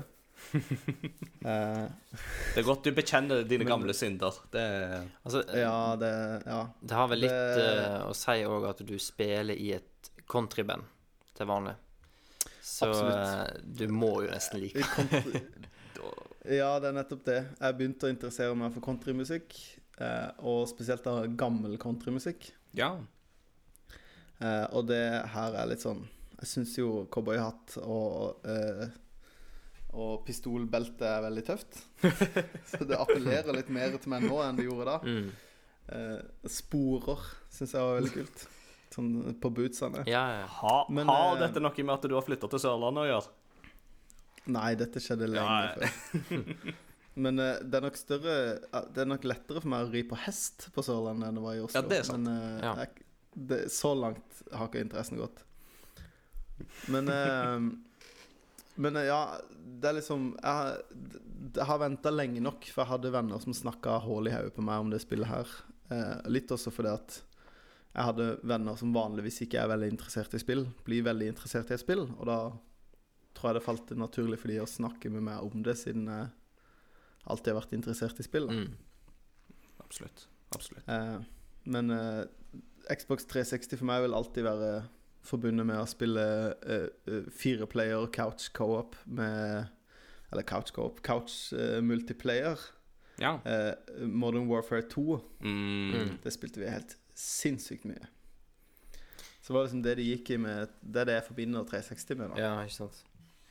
Men uh, hvis vi skal liksom gå litt sånn djup, mer i dybden på Red Dead Redemption, altså hvor foregår spillet? Hvem er du i Ja. spillet? Litt backstory? ja, altså la oss ta litt sånn backstory på det. Så er det jo um, du, du, Altså Det litt sånn interessante med Red Dead Redemption er jo at vi, vi sier jo at det er et westernspill, men på mange måter så er det jo ikke det heller. For at det, Ville Vesten er jo i ferd med å forsvinne i denne settinga. Mm. Altså, du er i 1911, og du er jo i denne her fiktive eh, delstaten Eller countyen, igjen, er det jo mer riktig å si, Mm. i USA. Og der, anno 1911, så ankommer du i rollen som John Marston. Som jo er tidligere bandemedlem. Han har jo tidligere vært med i The Van, Vander Dutch Vanderlind? Nei, Dutch Vanderlind-gjengen har han jo vært med i tidligere. Uh, men så er det jo sånn med John Marston Han har jo egentlig prøvd å legge det gamle livet der bak seg.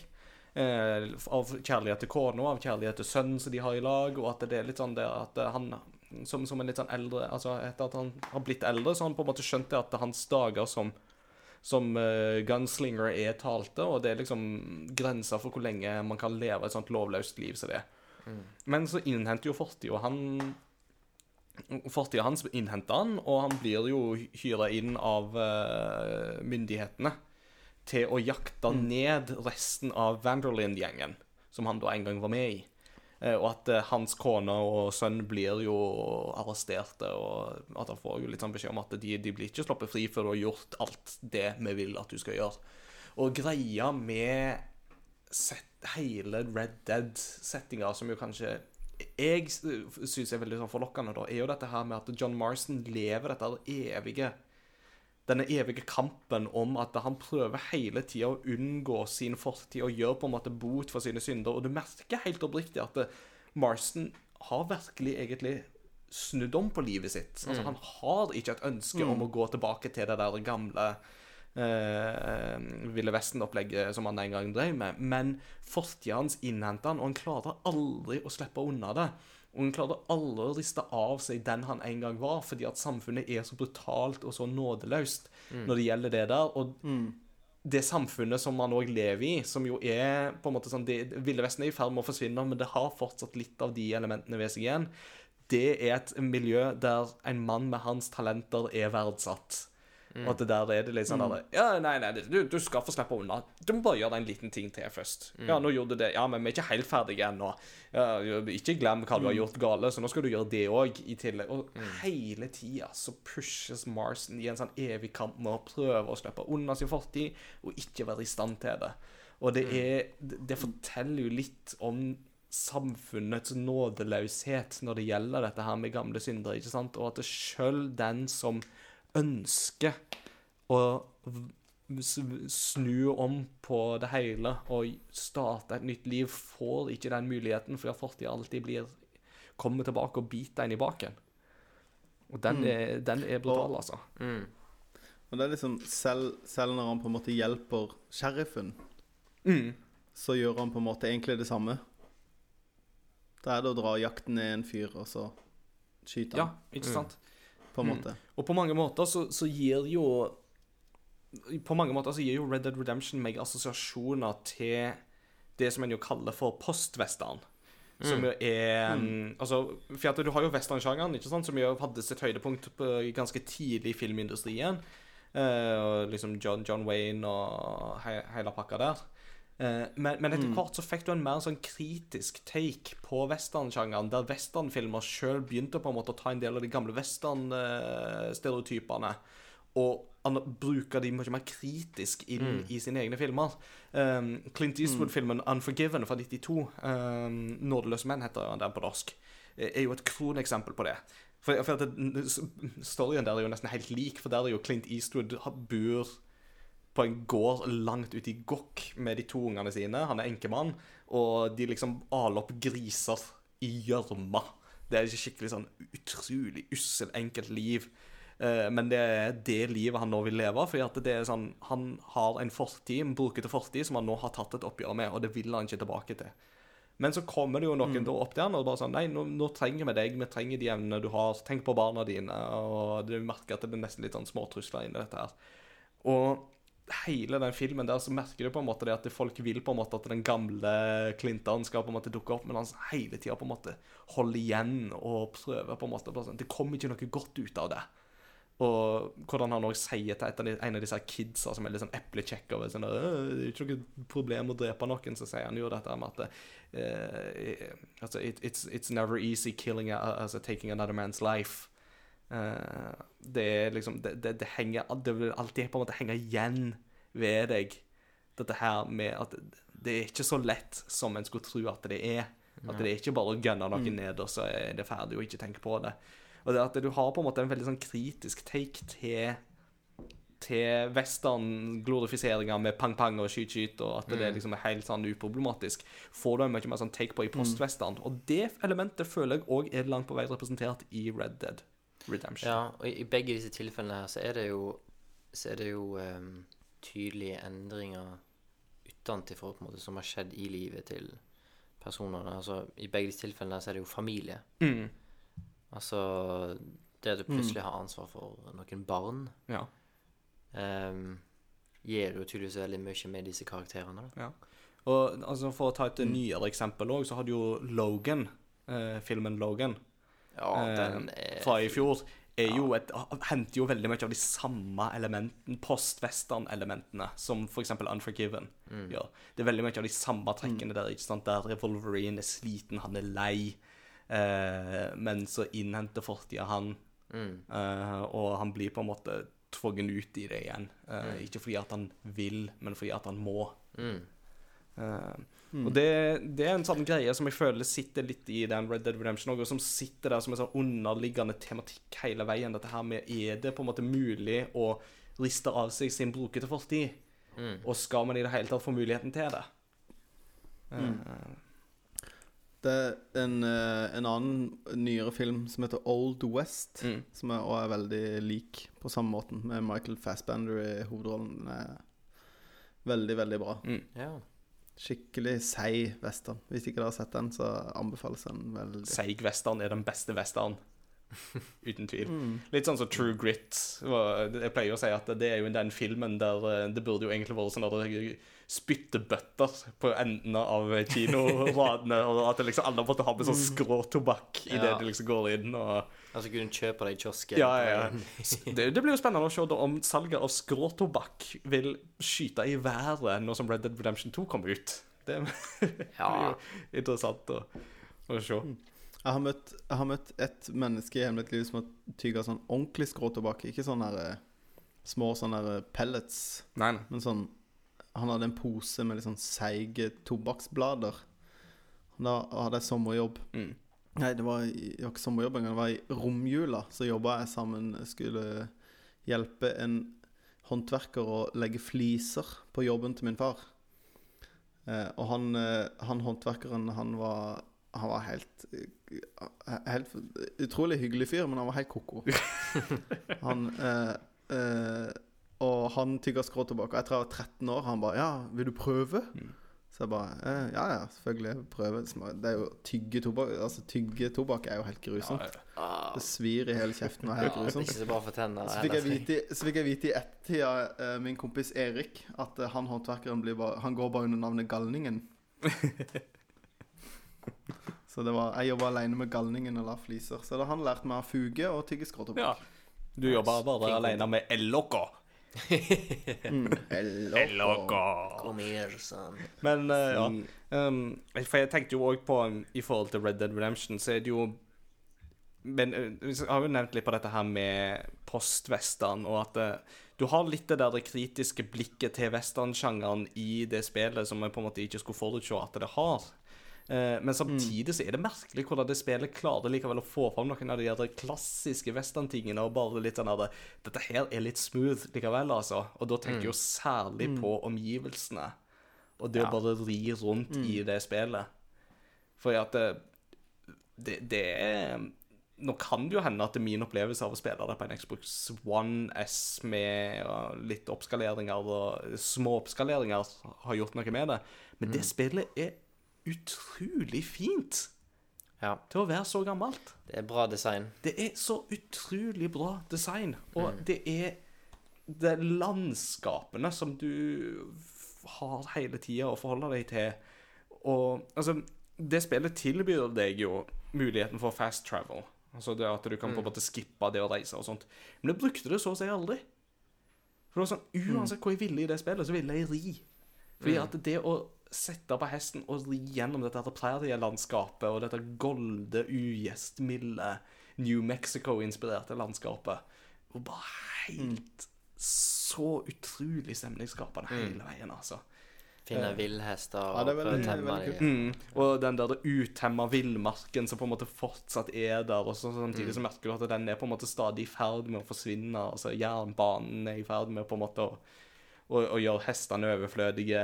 Mm. Biler har jo så vidt begynt å komme i gang eh, liksom på veiene. Eh, og dette her med hvordan på en måte oljeplattformer, uh, sånn at oljebrønner, mm. oljerigger, eh, driver på liksom å pumpe olje og sånt, og på en måte indikerer at industrialiseringa har for alvor kommet inn i det ville vesten. Eh, så, så, så merker du jo at dette her er på en måte noe som er på, på vei vekk, og den lovløsheten som er forhåpentligvis i ferd med å forsvinne, det, det, det, det er nok en god ting, for det er mye vondt som kommer ut av det. Men det, du mister samtidig òg noe vakkert og noe utemma og vilt i skaperverket som blir på en måte skjøvet til side. Eh, Vi må jo touche Men det er litt sånn- Nei, fortsett, du. Det er litt sånn Jeg, litt, eh, jeg spil, spiller jo på 360, og jeg er litt uenig med deg. Jeg syns jo på en måte at det Jeg syns jo alle på en måte spill som på sin tid var fotorealistiske, da, eller sånn streba etter å være fotorealistiske, ikke eldes bra. Så det har nok, jeg tror nok det har noe å si at du spilte det på en oppskalert versjon. For jeg syns jo at til tider at det ser ut som et seint PlayStation 2-spill, eller et Wii-spill. Til tider. Spesielt liksom ansiktsanimasjoner og liksom bevegelser. Ja. Noen ganger så er de liksom oh, OK. choppy og Ja.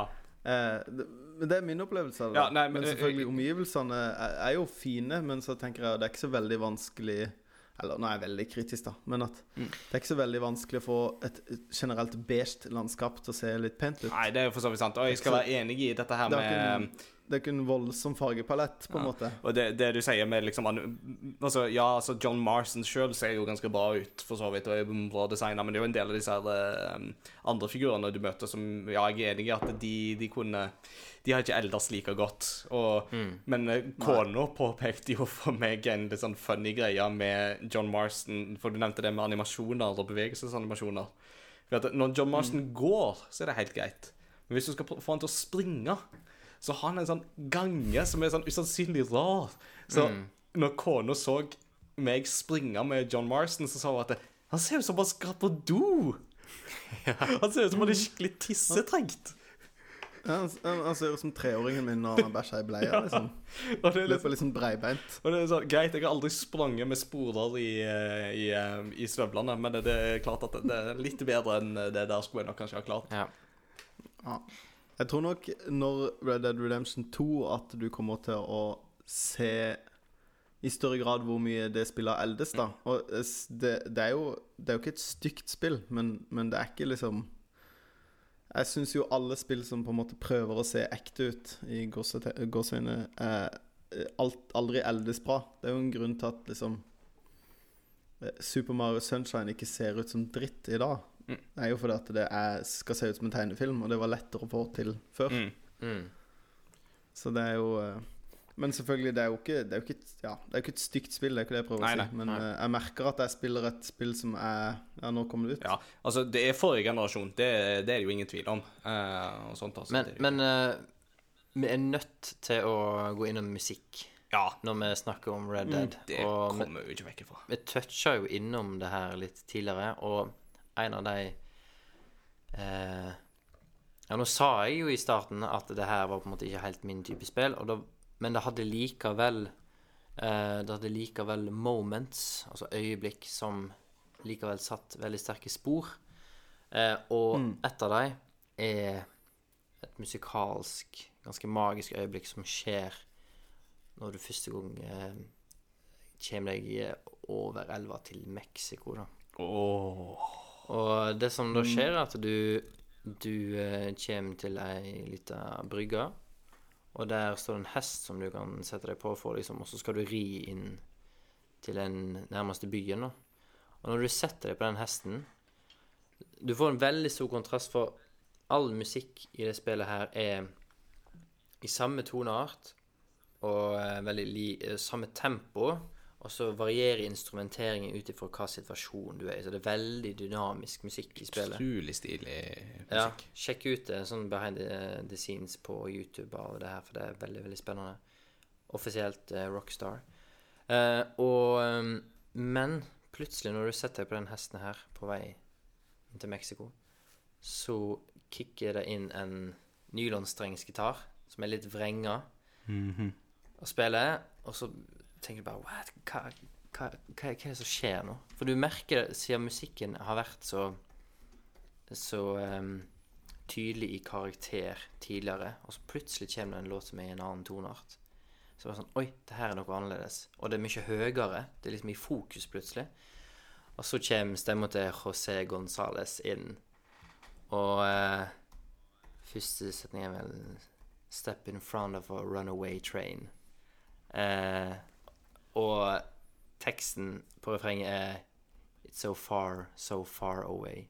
It's so far, so far away. Mm. Som òg liksom sånn Bare omsettingen. At nå liksom jeg har reist helt til Mexico for å liksom fullføre Ja, det oppdraget i hermetegn da, som Mm. du er blitt sendt på. Um, og ja, det er, det er så utrolig bra, det øyeblikket der. Og jeg har sett det på nytt på uh, YouTube, hvis de ikke orker å Eller ikke har muligheten til å spille fram til det punktet, eller spille det spillet her. Sjekk det ut på YouTube. Uh, jeg så en YouTube-film med en kommentar som var, lå ganske høyt oppe, hvor det er en som sier liksom bare bare What have I done? For han hadde, du hadde han uh, gått av hesten sin av en eller annen grunn, midt i sangen. Og så hadde sangen stoppa. Mm. Og han bare Nei, nei, nei. Og så hadde han gått på hesten igjen, og så begynte ikke sangen igjen. Så han bare det kun No! Den ene gangen i spillet at Ja. du får høre den låta der. Ja. Og det er, som du sier, sant, den teksten Mm. understreker jo virkelig Marstons kamp og Marstons situasjon i Red Dead Redemption. Ja. Dette med 'it's so far, so far away'. Altså Mm. både heimen Altså, heimen hans er jo langt vekke. Eh, familien hans er langt vekke. Eh, Og men ikke minst òg The Redemption. Ja, ikke sant? ja. Forløsninga. Det å få bli frigjort fra sine gamle synder. Det, å Mm. Bli satt fri. langt unna. Ja. Eh, det er den, den, Det elementet der, det er så langt, så langt vekke. Ja. Og Marston er, er jo nærmest i en sånn situasjon Det er jo en Altså han, han opplever nærmest at det er sånn Gud kan ikke hjelpe, og myndighetene vil i alle fall ikke hjelpe. Så hvordan skal han da finne den der fri, Mm. frigjøringa, forløs, forløsninga av redemptionen, som han er så på jakt etter? Mm. Hvor skal det komme? It's so far, so far away. Ja, det, det øyeblikket der er så bra. For at Sammenlignet med GTA-spill, så har du med en gang du setter deg i en bil, så kan du sette på radioen, og da kan du få litt sånn annen musikk enn spillmusikken. Eh, kicker det inn. Men i et spill som Red Dead, så har du ikke den muligheten. Så da har du blitt mat av hele tida, er liksom atmosfærisk musikk, da. Som er satt til handlingene. Og når det plutselig kommer en sånn låt, så bryter det med det bryter så voldsomt med alt du har liksom hørt sånn audiovisuelt eh, fram til nå, da. Det er utrolig hva det har å si, altså. For den kontrasten som pang med en gang. Mm. Veldig, veldig stilig. Og veldig kult hvordan musikk har så mye å si for westernsjangeren sånn Mm. generelt. Ikke sant? Altså, det går jo tilbake til bare til ja men, altså, det går, ja, men altså, bare tenk òg på dette her med eh, Ennio Morricone sin klassiske musikk i The Good, The Bad and The Ugly, for eksempel, ikke sant? som er noe av det mest ikoniske som fins. Mm. sånt. Forresten, Morricone skal jo ha konsert på Telenor Arena 28.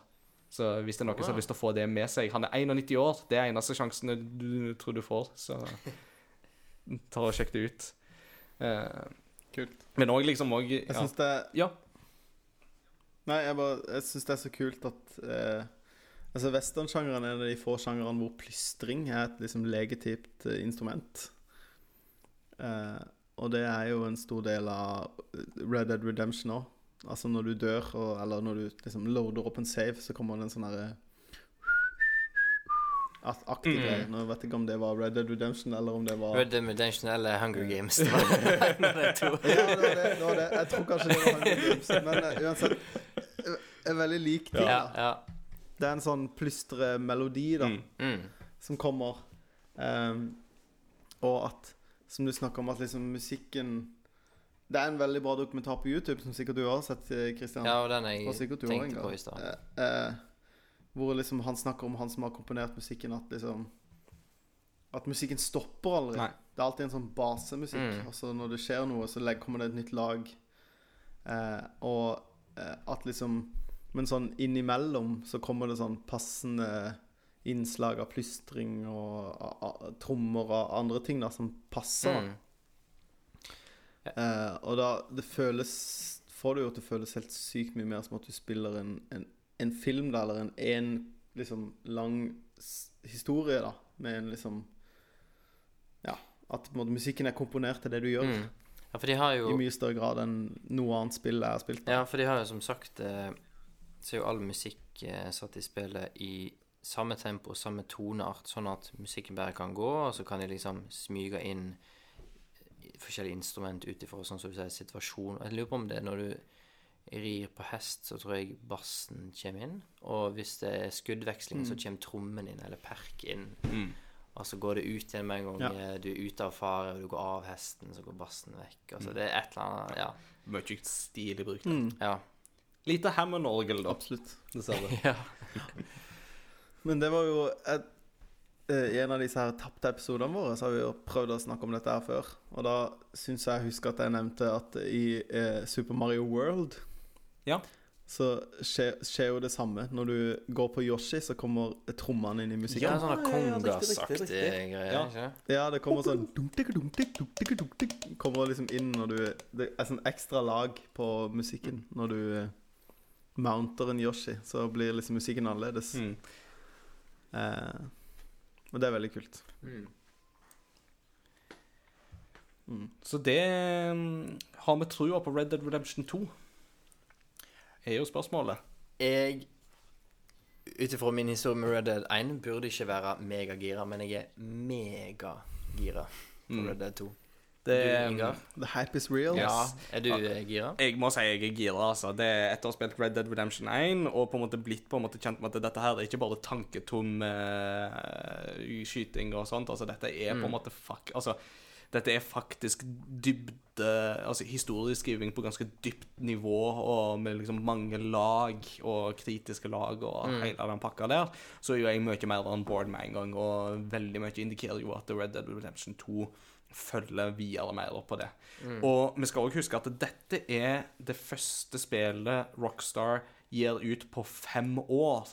De har jo ikke gitt ut et nytt spill siden GTA 5 kom ut i 2013. Nei. Eh, de har hatt fem år på seg eh, siden sist gang de ga ut et helt nytt spill.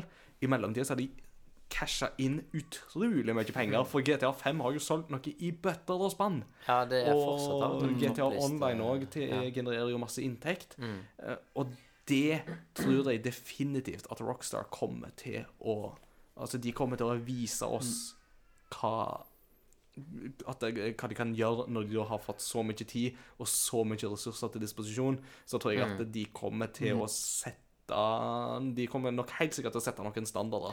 Ja, altså ikke minst at uh, GTA 5 er jo gitt ut på eh, PS4 og Xbox One, men det er bygd til Mm. å fungere på PS3 og Xbox Ja. 360. Da er jo ikke Red Dead 2, så Mm. teknisk sett så har de ganske mye flere Ja, muligheter. ja, helt klart. Altså, dette er det første current generation-spillet de Ja. gir ut på nåværende generasjon. Ja. For som du sier, altså for, forrige GTA 5 er forrige generasjon. Mm.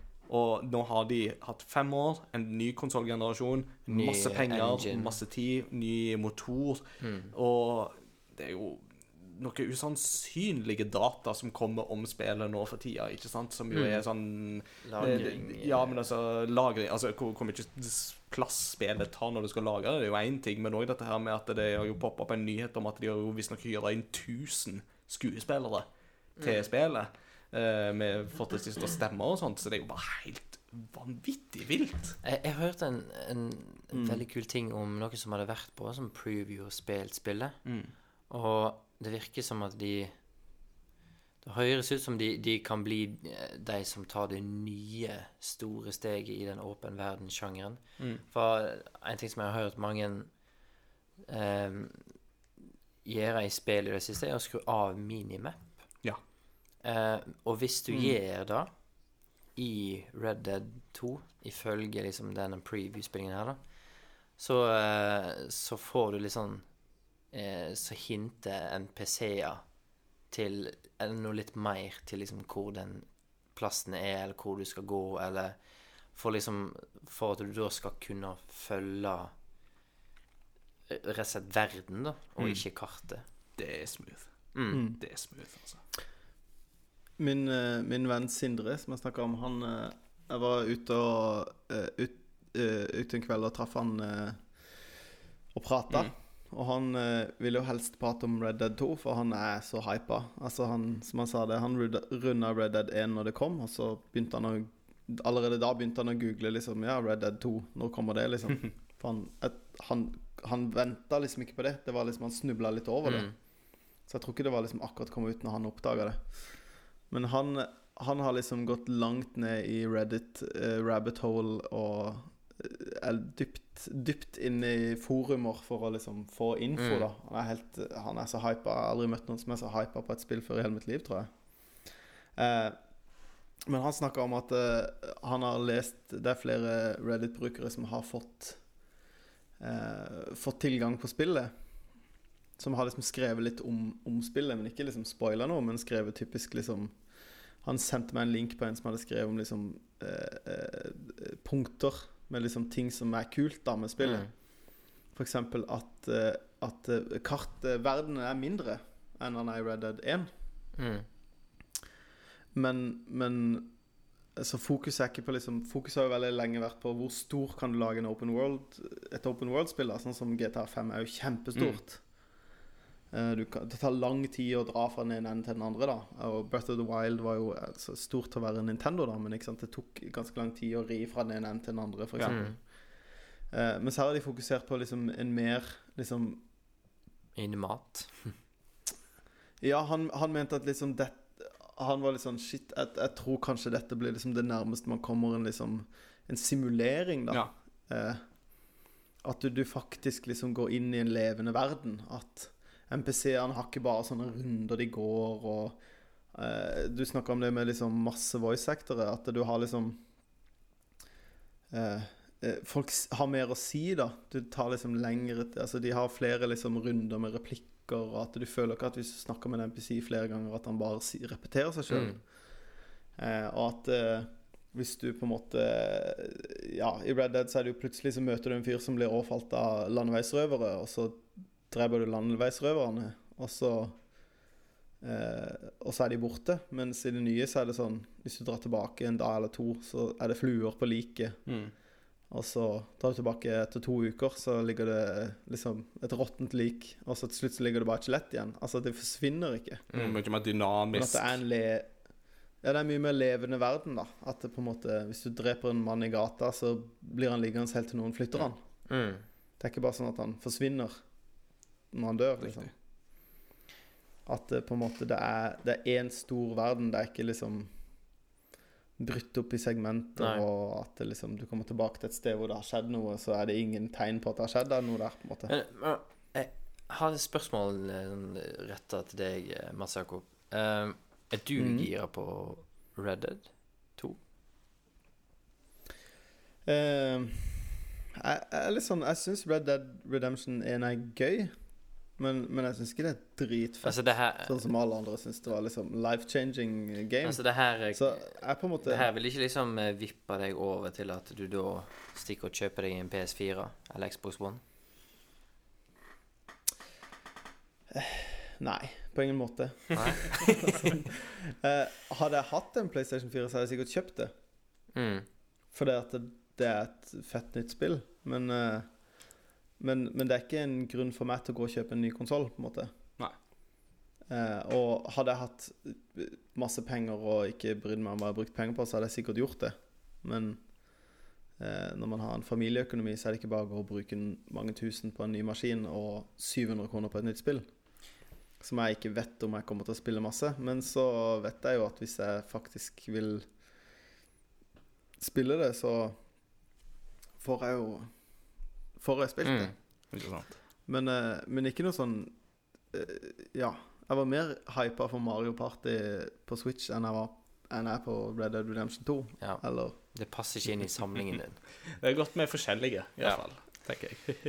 det, nei, det handler ikke om samling, det handler mer bare om liksom Ja. eh, eh, Ja, hva man er interessert i å bruke penger Mm. på, da. Og hva man på en måte er hypa på.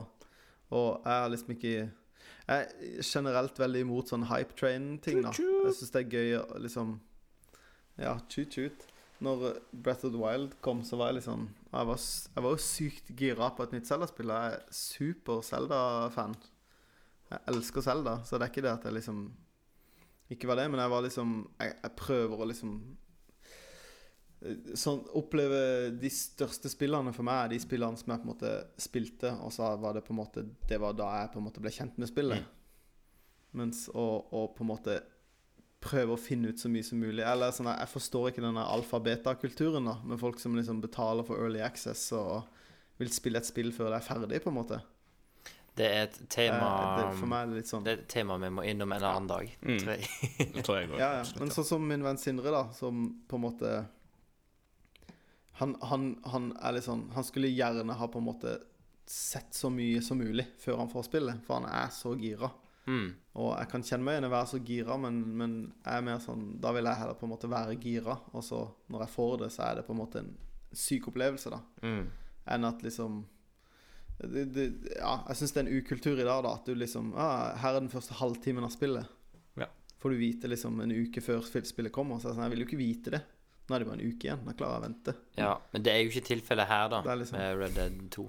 Nei, det, nei men det har jo, de, har jo, de har jo annonsert ganske mye Eller det har kommet ut en del, og De har de har hvis to sånn som du gjør som, som eh, Sindre, da, og graver litt, så finner du jo vanvittig mye Ja, de har vel egentlig bare to gameplay-trailere som er relativt korte. Det er riktig. Fem-seks minutter. Ja. Men, men ja, det fins Men jo en del allikevel, det er jo til sammen ti minutter med gameplay av et spill som på en måte Du vil jo egentlig oppleve det gameplayet sjøl. Sånn er Ja, for deg, da. ja, ja, og så er det andre som, som trenger nok eh, push i retning eh, Er det her noe for meg? Før de Mm. kjøper det. Ikke sant?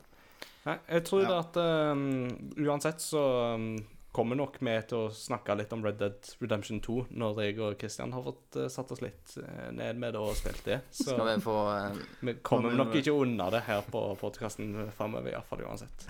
Nei, ikke Nei. Nei. Og det Jeg tipper at Red Dead Redemption 2 for meg blir sånn som Red Dead Redemption 1 var. At jeg har folk som snakker masse om det til meg. Ja. mm. Vi skal, vi skal, Men kanskje jeg faktisk skal spille det når det kommer. vi skal friste deg på musikken, og så er det det som blir utslagsgivende, tenker jeg. Så, Mm. ja. Ja, blir solgt på countrymusikken. Ja, Nei, men uh, da har vi fått uh, drøst masse om eh, Red Dead Redemption og uh, liksom sett litt på veien videre. Og jeg tror det blir spennende å se hva, hva de får til med toen. Mm. Og har du ikke, sp har du ikke eh, spilt einen, så mm, kan jo det fortsatt være på en måte aktuelt å gå tilbake til. Så jeg tror at med det så må vi bare prøve å runde av. Men før det så skal vi innom eh, vår neste faste spalte, som er dagens kuriositet. En liten En eh, eh, liten uh, tidbit of random piece, a random piece of trivia. Rett og slett. Eh, er det du som Ja. sitter med den i dag, Kristian? i dag- eller er det Jeg tror det er Jeg sitter med det foran meg, men jeg tror du, eh, Mats Jakob, skal få lov å presentere det. Skal jeg lede Ja. an? Mm. Eh, dette er jo en ekte obskuritet. Eh, og vi har jo snakka mye om at Red Red Redemption eh, har vanskelige ord å si. Eh, er litt sånn eh, cinematisk på mange måter, da, og er inspirert av westernsjangeren. Så jeg ble litt sånn inspirert til å finne fram en, en, en kuriositet som er filmrelatert, men er nesten litt sånn spill-nerdekultur generelt relatert. Og det er følgende at den offisielle nettsida til filmen Space Jam er fremdeles oppe og går. Og Det det, er er en en time capsule av de store. Eh, nederst på sida så står det at Å. nettsida er fra 96. Å, du hendelse! Jeg Ja, sitter du og ser på den nå. det. fysj! Det er som en gammel, gammel eh, Det er ekte HTML. ja. Oh, wow! er, Og så kan du Det er vel eh, det er beinhardt. Menyen er vel delt inn i forskjellige planeter som du kan trykke på her. Ja. Som heter Behind the Jam. Sitemap. Sitemap, ja. Junior Jam. Å, fytti. eh, eight, Planet 8-ball. Nei, Planet B-ball. Så dårlig font at jeg klarte nesten ikke å lese det.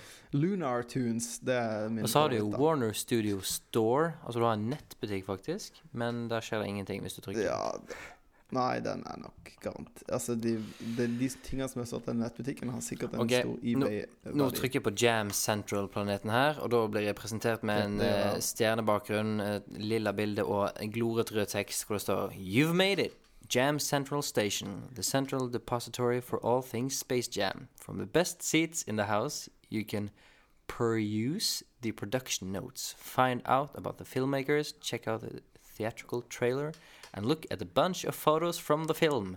Og ingenting av det er på den sida her. Nei, hvis du går inn på for eksempel Jeg var inne på dette her, så jeg ikke Ja, det er, når jeg gikk inn på Planet, 8 Planet B-ball, ikke 8-ball, men B-ball, Planet B-ball, ja. eh, så står det If you like basketball and you like to jam, go no further. Space Jam isn't just about Michael Jordan, Michael Jordan meeting Looney Tunes. It's about slam and jam and game to keep the Looney Tunes out of the failed intergalactic theme park. Rounding out the cast are some of the biggest stars of the NBA making their feature de film debuts. Men Jeg tror det du gikk glipp av i stad, Kristian, er at på bildet, det der ræva bildet, så kan du Så jeg står noen greier, så kan du trykke på de. Så for eksempel Player Bios Ja. kan jeg trykke på. Og da får jeg opp Michael Jordan og uh, Charles Barkley Med- og Megalite bilde. Det er jo umulig å se at det er deg. Liksom. Skal jeg trykker på Michael Jordan. Og så er det spygrønn Det bakgrunn. er bare stats.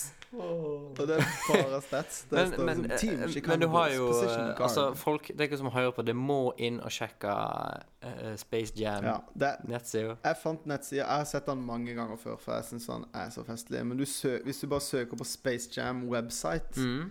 For den ligger på Warner Brothers sin archive-nettside, så jeg tror det er liksom med vilje de har holdt den her i live, for dette det er liksom Jeg tror faktisk I, I, I made a huge discovery live på podkasten. Det ser ut som det er et nettspill her du kan spille.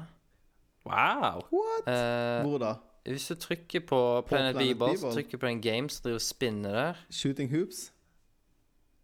Å ja, games! What? Nå fikk jeg bare nedlasta en shoot.dcr-fil. Kan ikke oi, åpnes. Hva Kanskje ikke gjør det mens vi spiller inn podkasten, for da mister vi bare hele greiene igjen. Ja, det var breaking news. oh, nei, nei. oh, ja, OK. Det her er iallfall time capsule. Play b-ball against the Monstars. If your browser is equipped with the latest Shockwave plug-in. Ja, Jeg tror ikke jeg har hatt en Shockwave plug-in på kanskje 15 år. det er før Flash igjen. ja. Imponerende. Press enter. Nei, men der må folk inn og sjekke. ja. Det er Åh, det er et eh, lynkurs i uh, Altså- webdesign, rett og slett. Ja, for det Jeg jobber i Jeg er lærer i syvende klasse, og dette her ser ut som en powerpoint-presentasjon lagd av en syvende klasse. På en måte For det er liksom en helt- stjernebakgrunn, og så rød skrift over. Det er, det er ekte sånn Ja. Jeg syns jeg var slemt mot syvendeklassingen. Altså, Altså. altså, jeg vil være så ærlig Nei, og, si nei, at eh, jeg føler ikke det er dagens 7.-klassing. Jeg føler det er 7.-klassing i, sånn, i 1999. Mm. Jeg føler egentlig det er der. Ja, men når jeg, når jeg gikk i åttende klasse, så hadde vi sånn eh, a- Dette er ikke arbeidsuke, men det heter et eller annet sånn her eh, prosjektuke, hvor vi skulle liksom lage et prosjekt som vi skulle bruke en uke på. Og da husker jeg at det var flere som jeg gikk i klasse med, som hadde at prosjektet sitt var skulle, De skulle lage en hjemmeside, og den så sånn her ut. Riktig. Og Det var ekte HTML. Mm. fun, fun fact, da, så er jo Space Jam 2 er jo på vei. Og, men denne gangen ikke med Michael The Jordan. wait is men, finally eh, over. Ja, men ikke med Michael Jordan. Nei, nei, nei, det er LeBron. LeBron James som er eh, aktuell som den nye basketkandidaten til Space Jam 2. Um, ikke noe fastsatt eh, lanseringsdato eller noen ting, men det dukka opp et bilde for ikke så mange uker siden, så det lever nok fortsatt, og kanskje til neste år, kanskje 2020. Vi får se. Altså, altså hvor, hvor kan storyen gå etter Space Jam 1? Altså, sorry, altså, men Space Jam hadde ikke noe story. det var det, det, Her, hva mener du? Michael Jordan blir sugd gjennom et golf ned til tegneserieverden? Sant nok, sant nok. Og med gjester hans elendige Og med gjester hans elendige baseballkarriere. Sånn kan det gå.